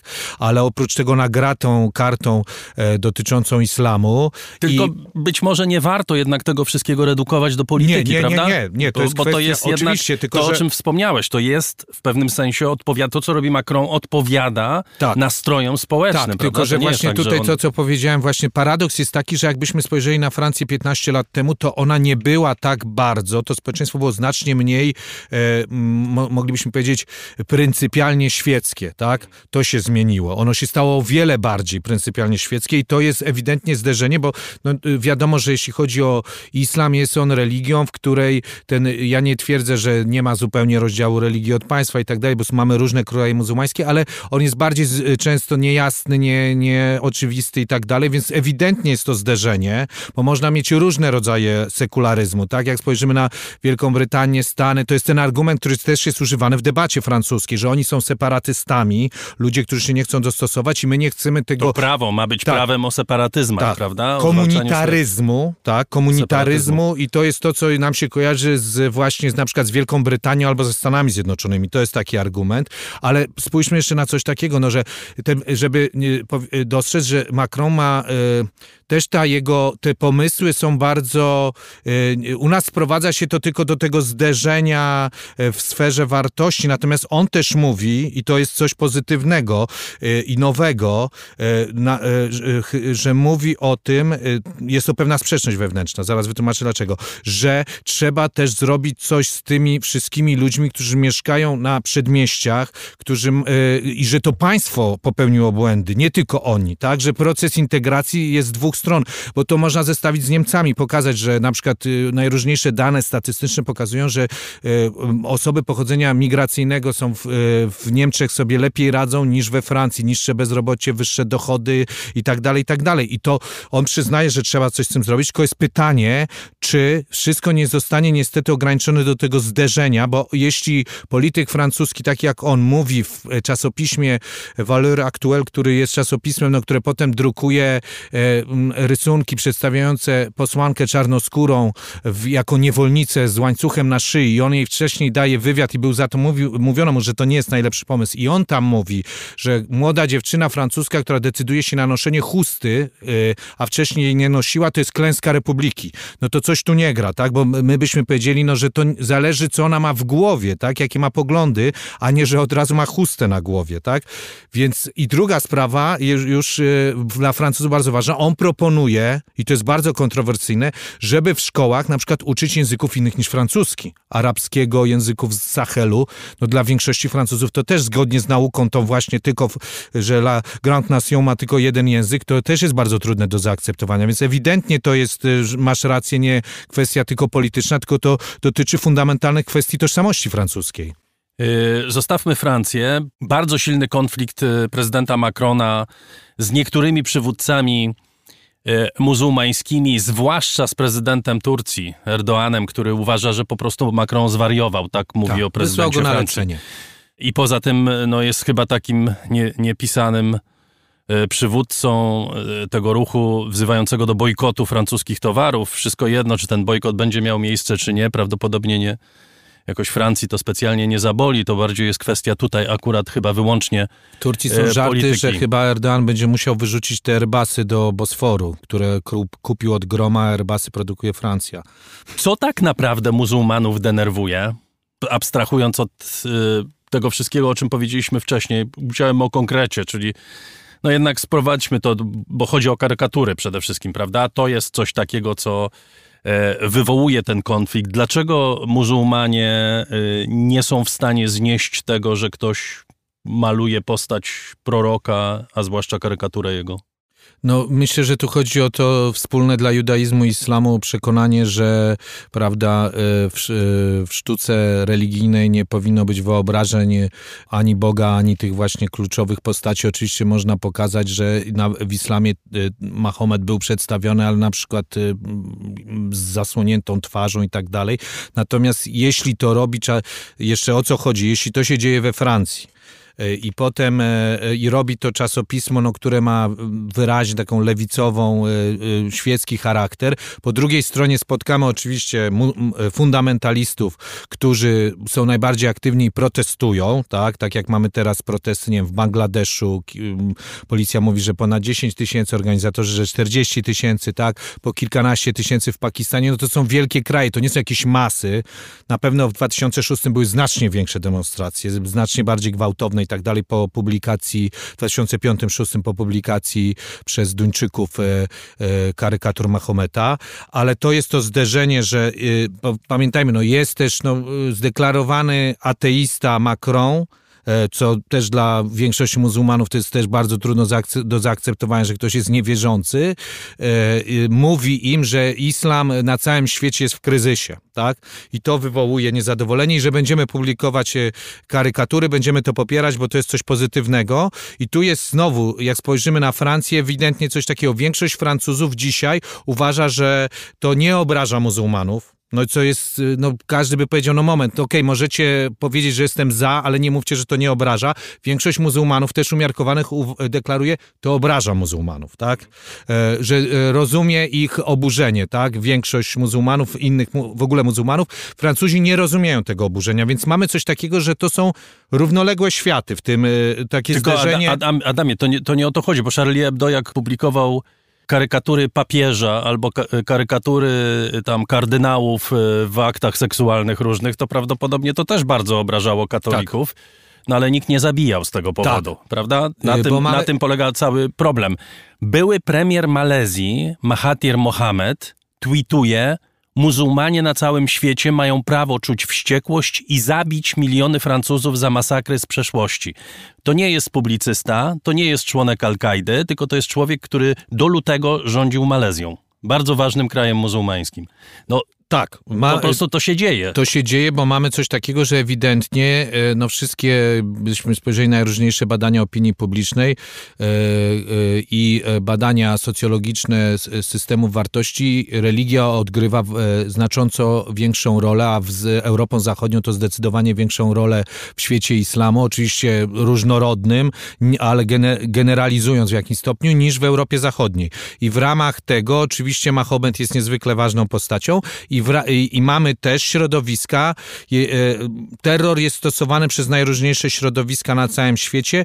Wśród muzułmanów e, częściej niż w innych e, kręgach cywilizacyjnych mamy grupy, które... od- Terrorystów. Terrorystów, które odwołują się do religii. Spotkamy ich oczywiście, nie wiem, na przykład wśród hinduistów i tak dalej, ale fakt, że muzułmanie też mieszkają na, prawda, w najróżniejszych krajach i tak dalej, to powoduje, że to jest zjawisko i są też w Europie, te zamachy są tutaj, są bardziej też, y, to wszystko jak połączymy, no to okazuje się, że tak jak mamy część muzułmanów, większość, która byśmy powiedzieli, oni czują się oburzeni, tak jak oburzeni byliby katolicy, gdy widzą coś takiego, to mamy też część muzułmanów, którzy nie tylko są oburzeni, tylko chcą y, po prostu y, w ramach odwetu zabijać.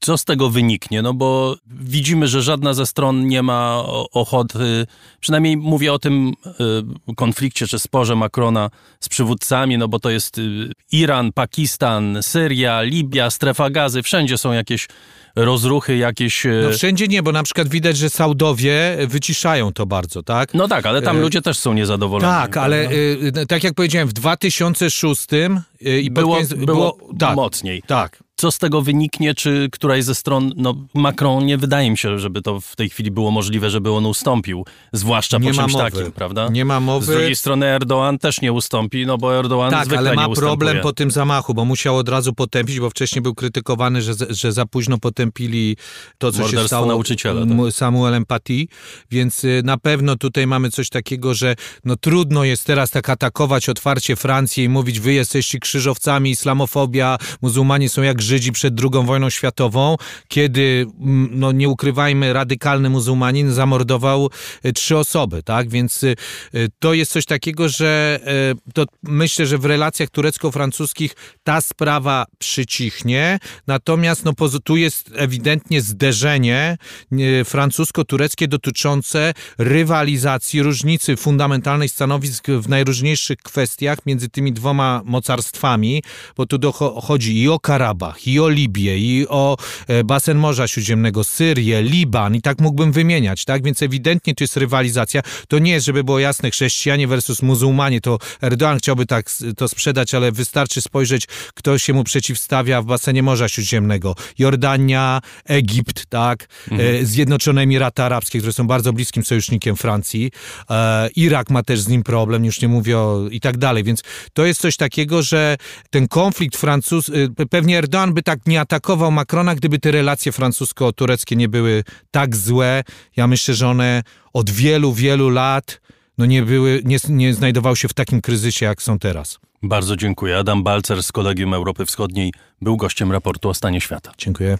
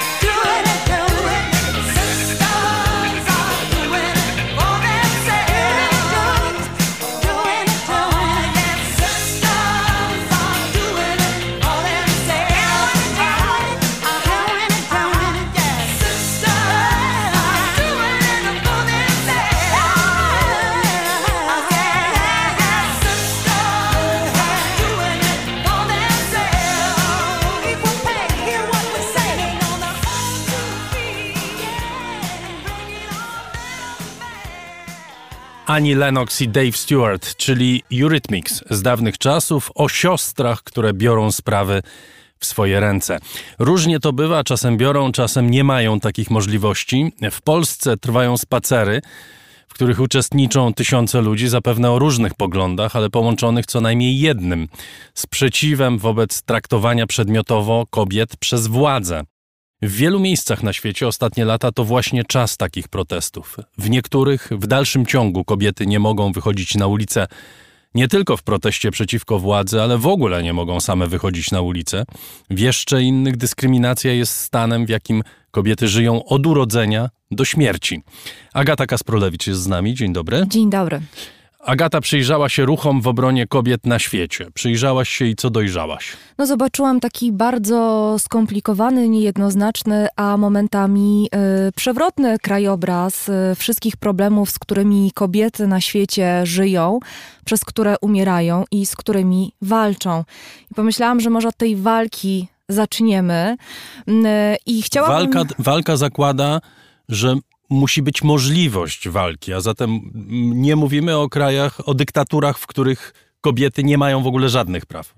Tak, zaczniemy od y, takiego miejsca na świecie, które jest y, pewnie jednym z najtrudniejszych miejsc y, dla kobiet, bo właśnie z Ameryki Łacińskiej wywodzi się termin feminicido, czyli kobietobójstwo. I fakt, że zabijanie kobiet, dlatego że są kobietami, stanowi oddzielną kategorię prawną i oddzielny rodzaj przestępstwa, świadczy o tym, jak duży jest to problem, a z drugiej strony, że o tym można mówić. Dlatego Ameryka Łacińska z jednej strony miejsce trudne, z drugiej strony miejsce gwałtownie zmieniające się. Tak jak właśnie w Argentynie i, od Argentyny chciałabym zacząć, bo w Argentynie mm, kobiety są bardzo blisko przeforsowania ustawy liberalizującej aborcję. Y, Od 100 lat, bo 1921 roku w Argentynie obowiązuje ustawa bardzo podobna do tego orzeczenia Trybunału Konstytucyjnego w Polsce, czyli aborcja jest y, możliwa tylko wtedy, kiedy ciąża jest wynikiem gwałtu albo kiedy ciąża zagraża życiu kobiety. W tym momencie prezydent y, Argentyny Alberto Fernandez jest pierwszą głową państwa w historii, która domaga się liberalizacji ustawy aborcyjnej, a to jest ciekawe, e, Argentyna w swojej historii ma kobiety na stanowisku prezydenta, a to jednak mężczyzna Alberto Fernandez właśnie taką obietnicę w 2018 roku złożył, kiedy mm, e, zaczynała się kampania prezydencka i okazuje się, że to nie była obietnica bez pokrycia, bo on rzeczywiście wszedł do tego, żeby, żeby prawo w Argentynie było bardziej liberalne, a to oznacza, że do 14 tygodnia ciąży e, bez żadnych dodatkowych warunków każda kobieta będzie mogła e, przeprowadzić aborcję. Zwykle politycy, jeżeli decydują się na zmianę prawa, czy na prowadzenie kampanii w, w jakiejś dziedzinie, no to opierają się e, na przynajmniej częściowym poparciu albo wsparciu takich pomysłów przez ludzi, przez obywateli. W Argentynie to się zmienia. W Argentynie to się zmienia. W Argentynie mamy kilka lat już e, dużych protestów, większych, mniejszych, e, ale od kilku lat e, nabierających na sile, nabierających coraz większej dynamiki.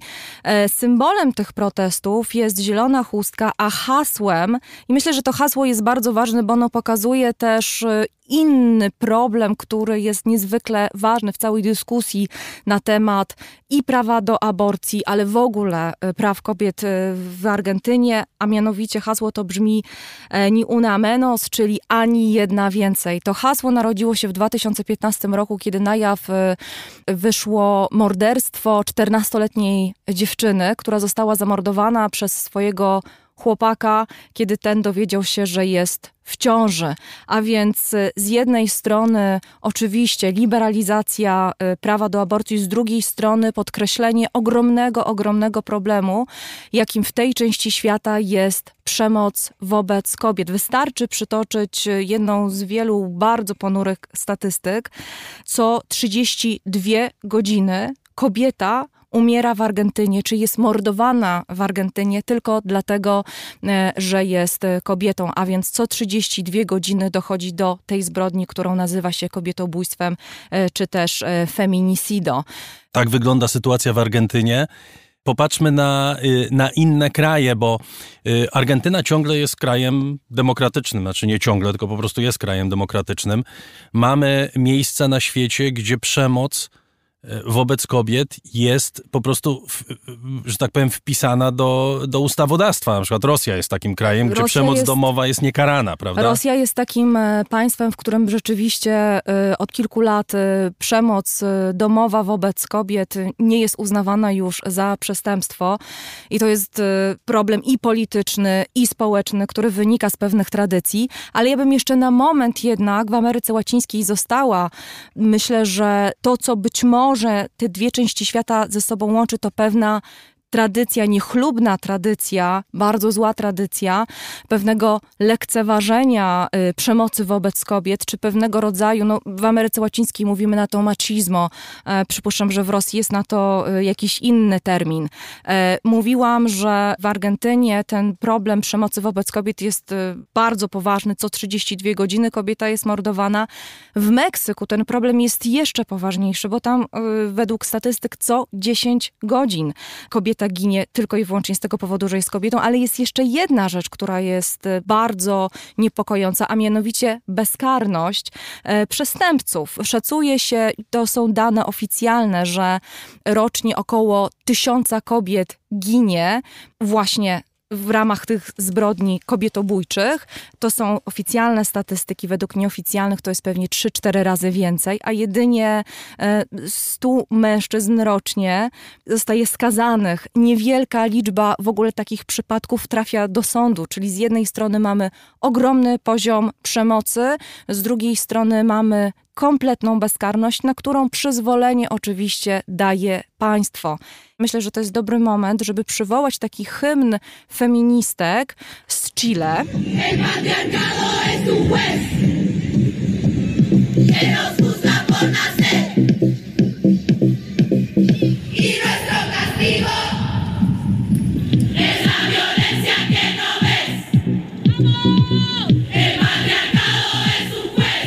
To jest wykonanie z 2018 roku takiej grupy teatralnej feministek e, z Chile, e, Les Tesis.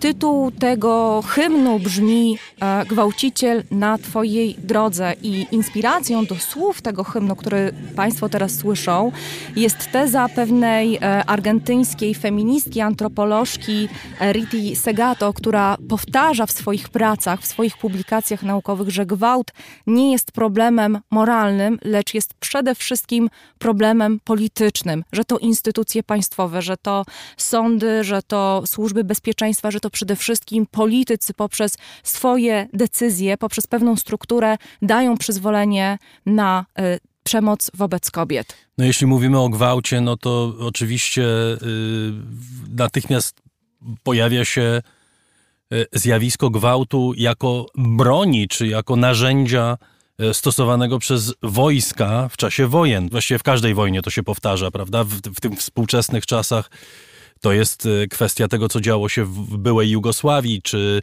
w wojnach w niektórych miejscach w, y, w Afryce. E, Wspomniałeś o gwałtach jako o pladze, jako jednym z największych przekleństw kobiet na całym świecie. Kongo jest takim miejscem, e, które Organizacja Narodów Zjednoczonych nazwała światową stolicą gwałtu i w tym rzeczywiście nie ma przesady.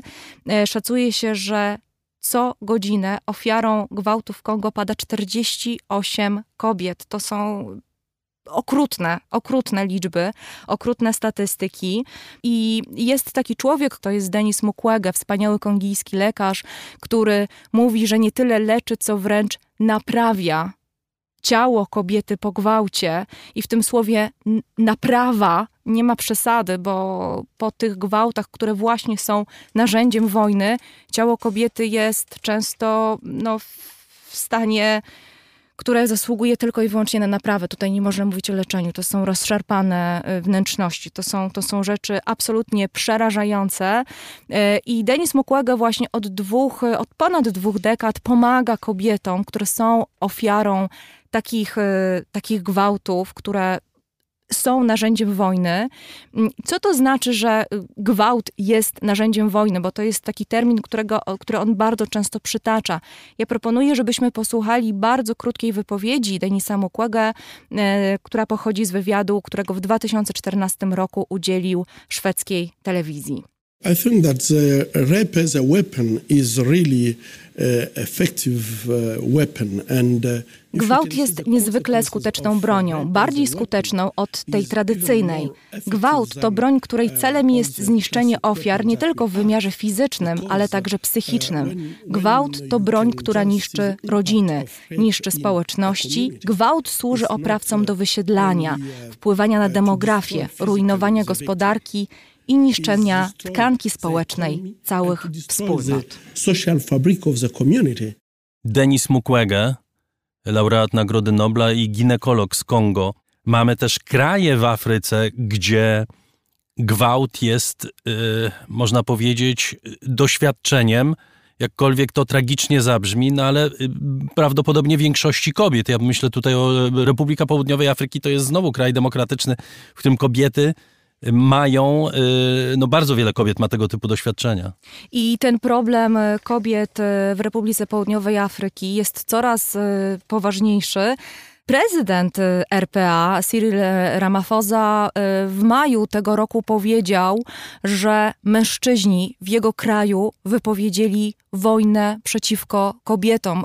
Te bardzo mocne słowa świadczą o tym, w jak bardzo dramatycznej sytuacji znajdują się kobiety w RPA, jak one też mocno protestują, domagają się na przykład kary śmierci dla takich właśnie męskich drapieżników, którzy mordują, którzy gwałcą. Jest też pomysł, żeby stworzyć taki państwowy rejestr mężczyzn, którzy takich zbrodni się dopuszczają. Prezydent mówi o tym, że ta przemoc narastająca, potęgująca przemoc mężczyzn wobec kobiet e, zasługuje na miano kryzysu narodowego. Mówiliśmy wcześniej o krajach muzułmańskich y, i o kryzysie, który trwa w związku z radykalizacją y, niektórych y, muzułmanów, zwłaszcza we Francji. Ale y, to nie jest takie jednoznaczne, bo kobieta w religii muzułmańskiej z natury rzeczy nie musi być y, traktowana przedmiotowo, czy nie musi być obiektem przemocy, ale bardzo często tak się zdarza.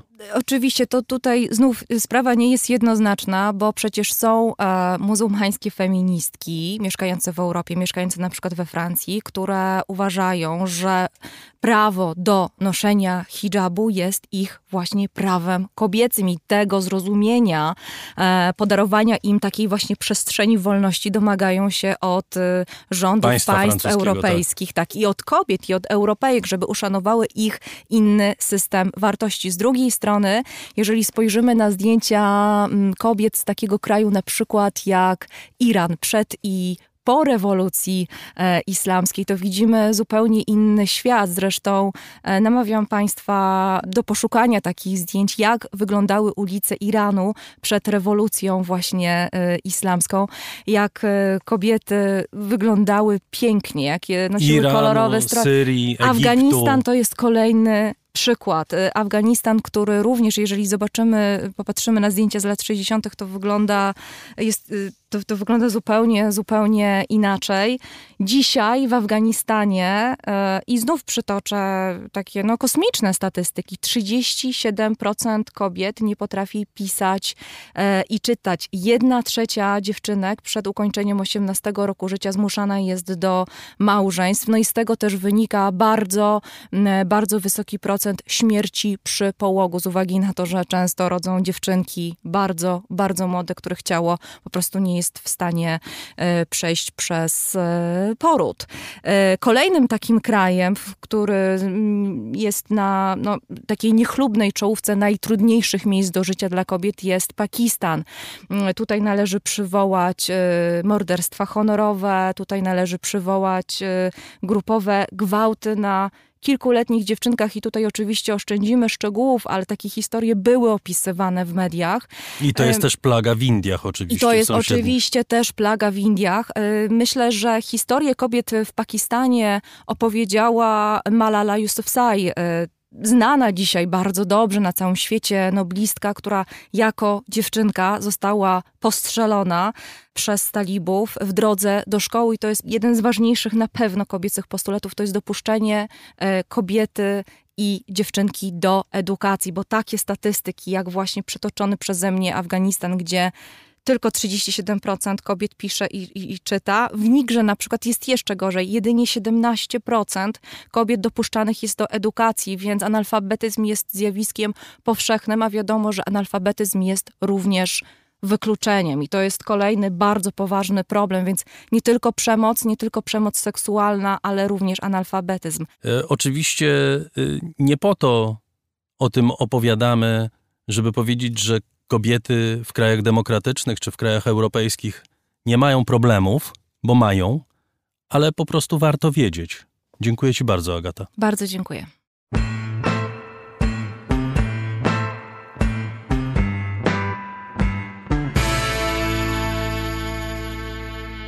Nie wiemy, jaki będzie skutek obecnych protestów w Polsce, przynajmniej ja nie wiem, ale jedno widać już jak na dłoni. Autorytet Kościoła katolickiego ulega przyspieszonej erozji niemalże z dnia na dzień. I to nie jest pierwszy tego typu przypadek na świecie, wręcz przeciwnie. Mamy co najmniej kilka przykładów krajów, w których Kościół katolicki odgrywał do pewnego momentu potężną rolę, a dziś jest jedną z instytucji publicznych pozbawionych zarówno przywilejów, jak i wsparcia dużej części społeczeństwa. I teraz o jednym z takich przypadków porozmawiamy. W Dublinie jest z nami Zbyszek Zaliński, dziennikarz irlandzkiego radia publicznego RTE. Dzień dobry, witam cię. Dzień dobry, Darku, witam z Dublina. Irlandia to jest może obok Hiszpanii czy Chile jeden z takich dyżurnych przykładów państwa, w którym Kościół katolicki w ciągu ostatnich lat został zdegradowany, można powiedzieć, i to chyba przez samych wiernych, do roli zwykłej instytucji. Czy to prawdziwa opinia, to za chwilę, ale najpierw powiedz, czym był Kościół w Irlandii do lat, powiedzmy, do lat 90. XX wieku. Zacznijmy od tego, że w, w cenzusie z 2016, czyli w spisie powszechnym z 2016 roku, 78,3% e, respondentów zadeklarowało się jako e, katolików.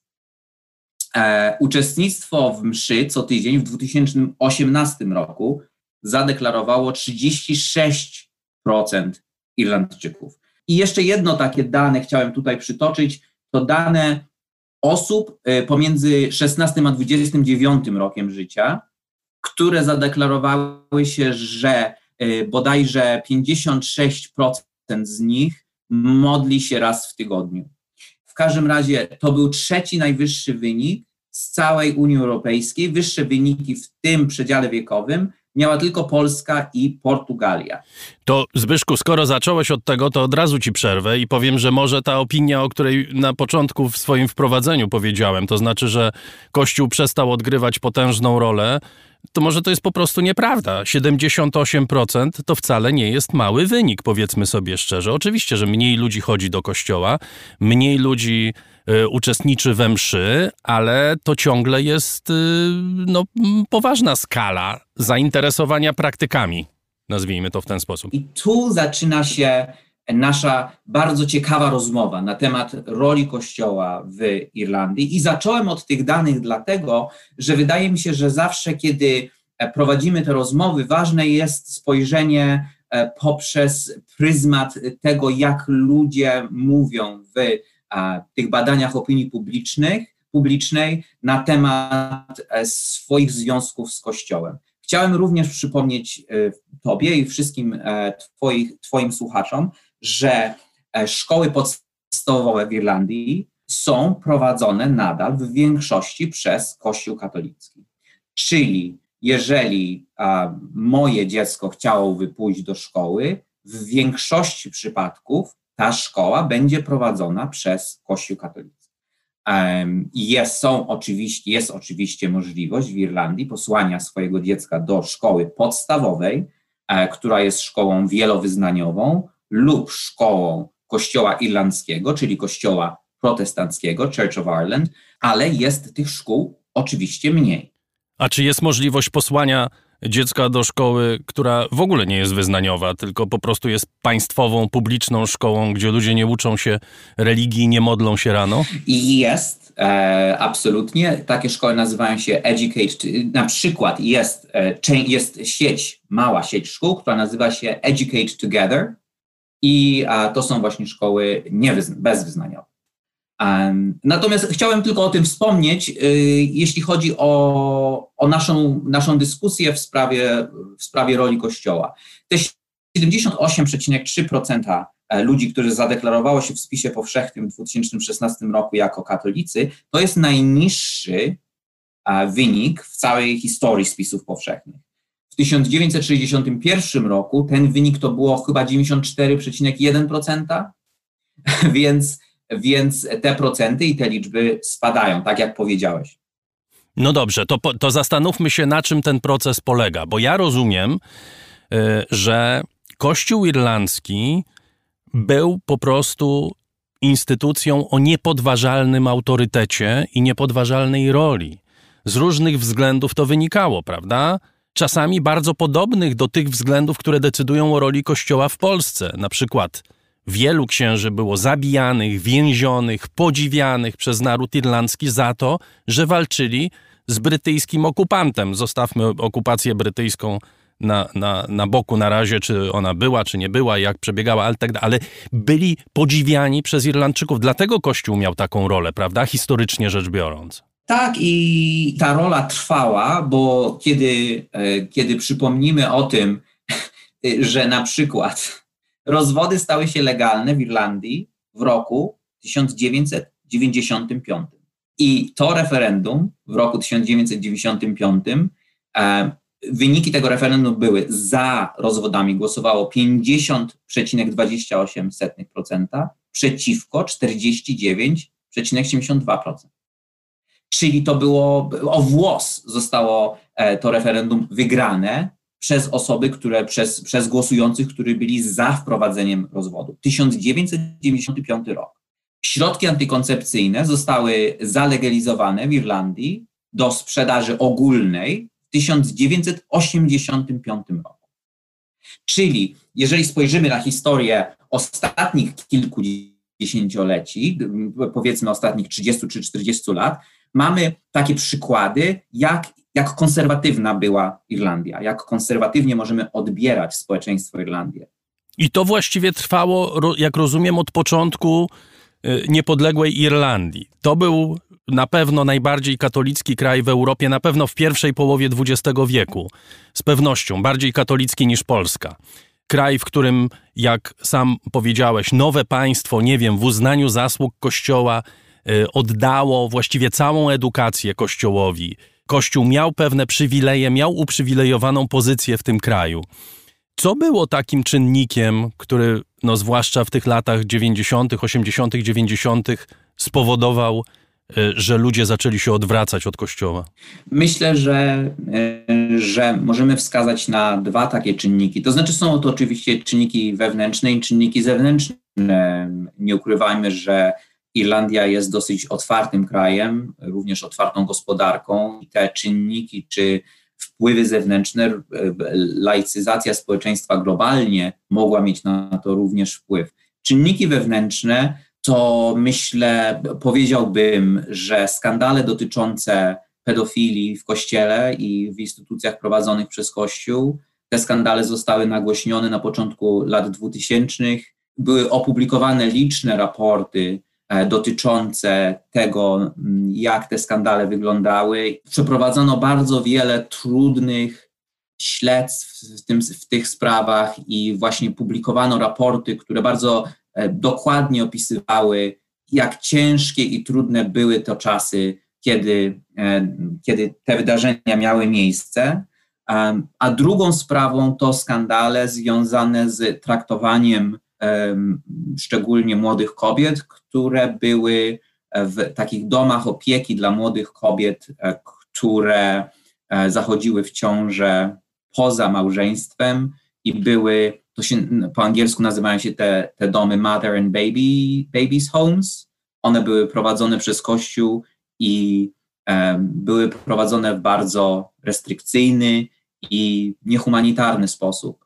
I te skandale dotyczące tych dwóch spraw, myślę, że miały duży wpływ na to, jak postrzegany jest Kościół w Irlandii. Ale chciałbym również z drugiej strony, tak jak zaczęliśmy naszą rozmowę, chciałbym zwrócić uwagę, że mimo tych skandali, ta relacja e, Irlandczyków z Kościołem jest nadal bardzo silna. Zbyszku, jaka jest y, tak naprawdę rola Kościoła w debacie publicznej w Irlandii w tej chwili? To znaczy, czy Kościół wypowiada się na tematy y, polityczne?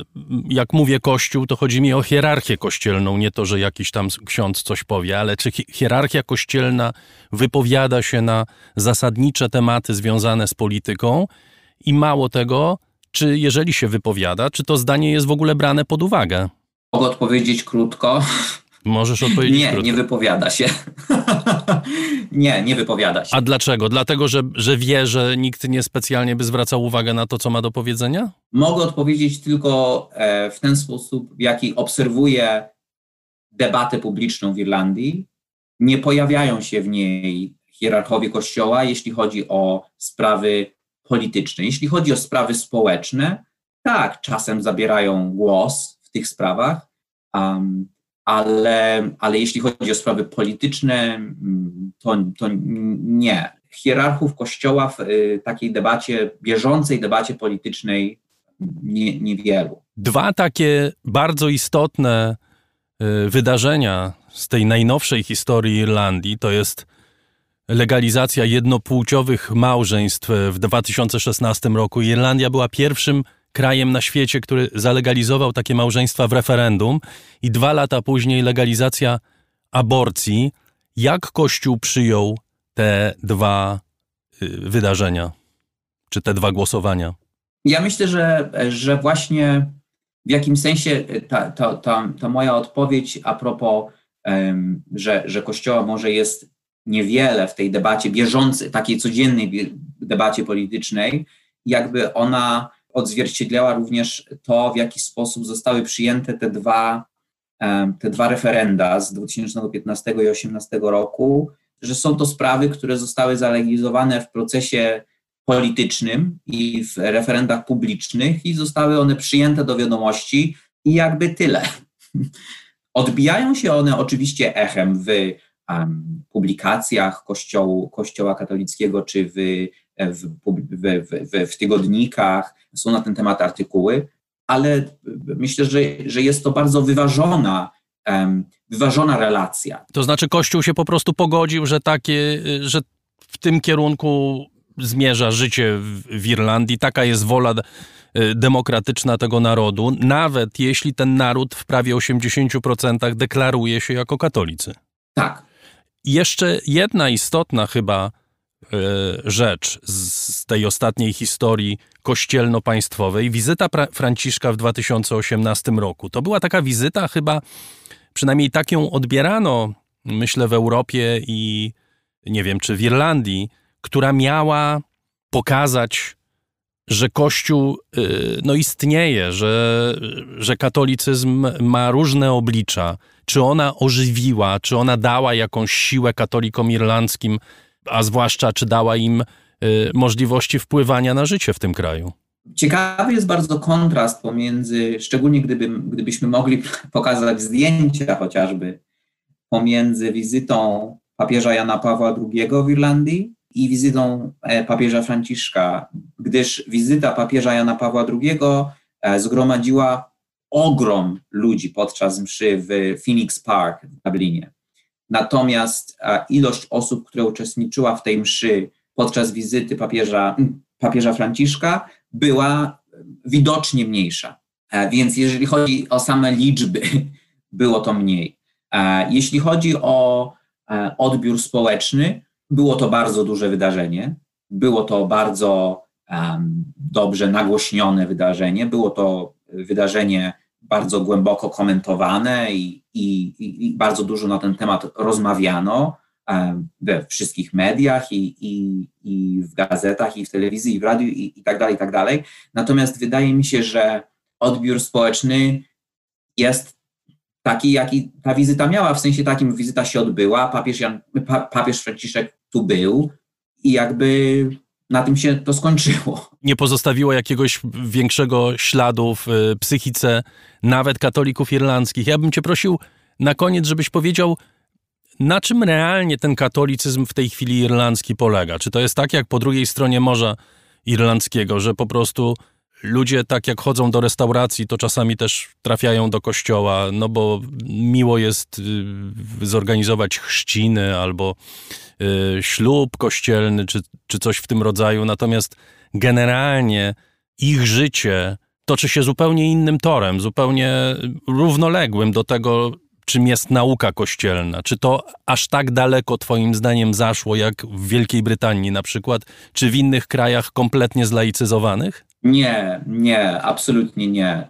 Wydaje mi się, że e, tak zaczęliśmy, zaczęliśmy od, od, tych, od tych liczb i od tych procentów i wydaje mi się, że może niektórzy z, z, ze słuchaczy pomyślą, ach, cóż rozmowa o procentach, jeśli mówimy o wierze, jeśli mówimy o, o religii, ale wydaje mi się, że ten związek pomiędzy Irlandczykami a, a religią i Kościołem katolickim jest nadal bardzo mocny, nadal bardzo ważny w ich codziennym życiu, nadal jest bardzo dużą częścią życia społecznego tutaj.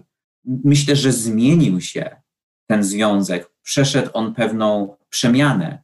Wspomnieliśmy o tych skandalach, wspomnieliśmy o raportach, wspomnieliśmy o tym, że te skandale nadal odbijają się szerokim echem, natomiast wiara pozostaje jakby na innym torze i ten związek e, Irlandczyków z wiarą katolicką i z Kościołem katolickim pozostaje na innym torze, a na drugim torze są może te, te, te sprawy zaszłości historyczne, nie odbierając im jakby ważności i, i tego, jaki miały wpływ na te przemiany. Natomiast nie jest to społeczeństwo zdaicyzowane. Myślę, że w wielu przypadkach, mam tak, jako taką anegdotę czy, czy ilustrację mogę powiedzieć o tym, że Kościół, który jest e, zaraz obok, tutaj, gdzie ja mieszkam w Dublinie, e, jest, można powiedzieć, takim centrum lokalnej społeczności. I jest, są tam zajęcia jogi dla, dla, dla ludzi starszych, są tam zajęcia, są tam zajęcia kulturalne, więc Kościół staje się takim, takim właśnie miejscem, gdzie społeczność lokalna może się gromadzić. E, Kościół również dokłada starań, by uczestniczyć w życiu imigrantów, którzy, e, którzy żyją w Irlandii i pomagać im.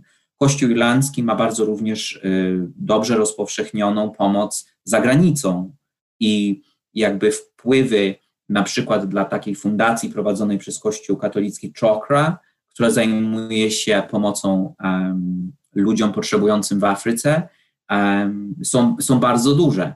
Chciałbym wspomnieć tylko o jednej jeszcze rzeczy. W Irlandii bardzo ważny jest sport, jak w każdym kraju.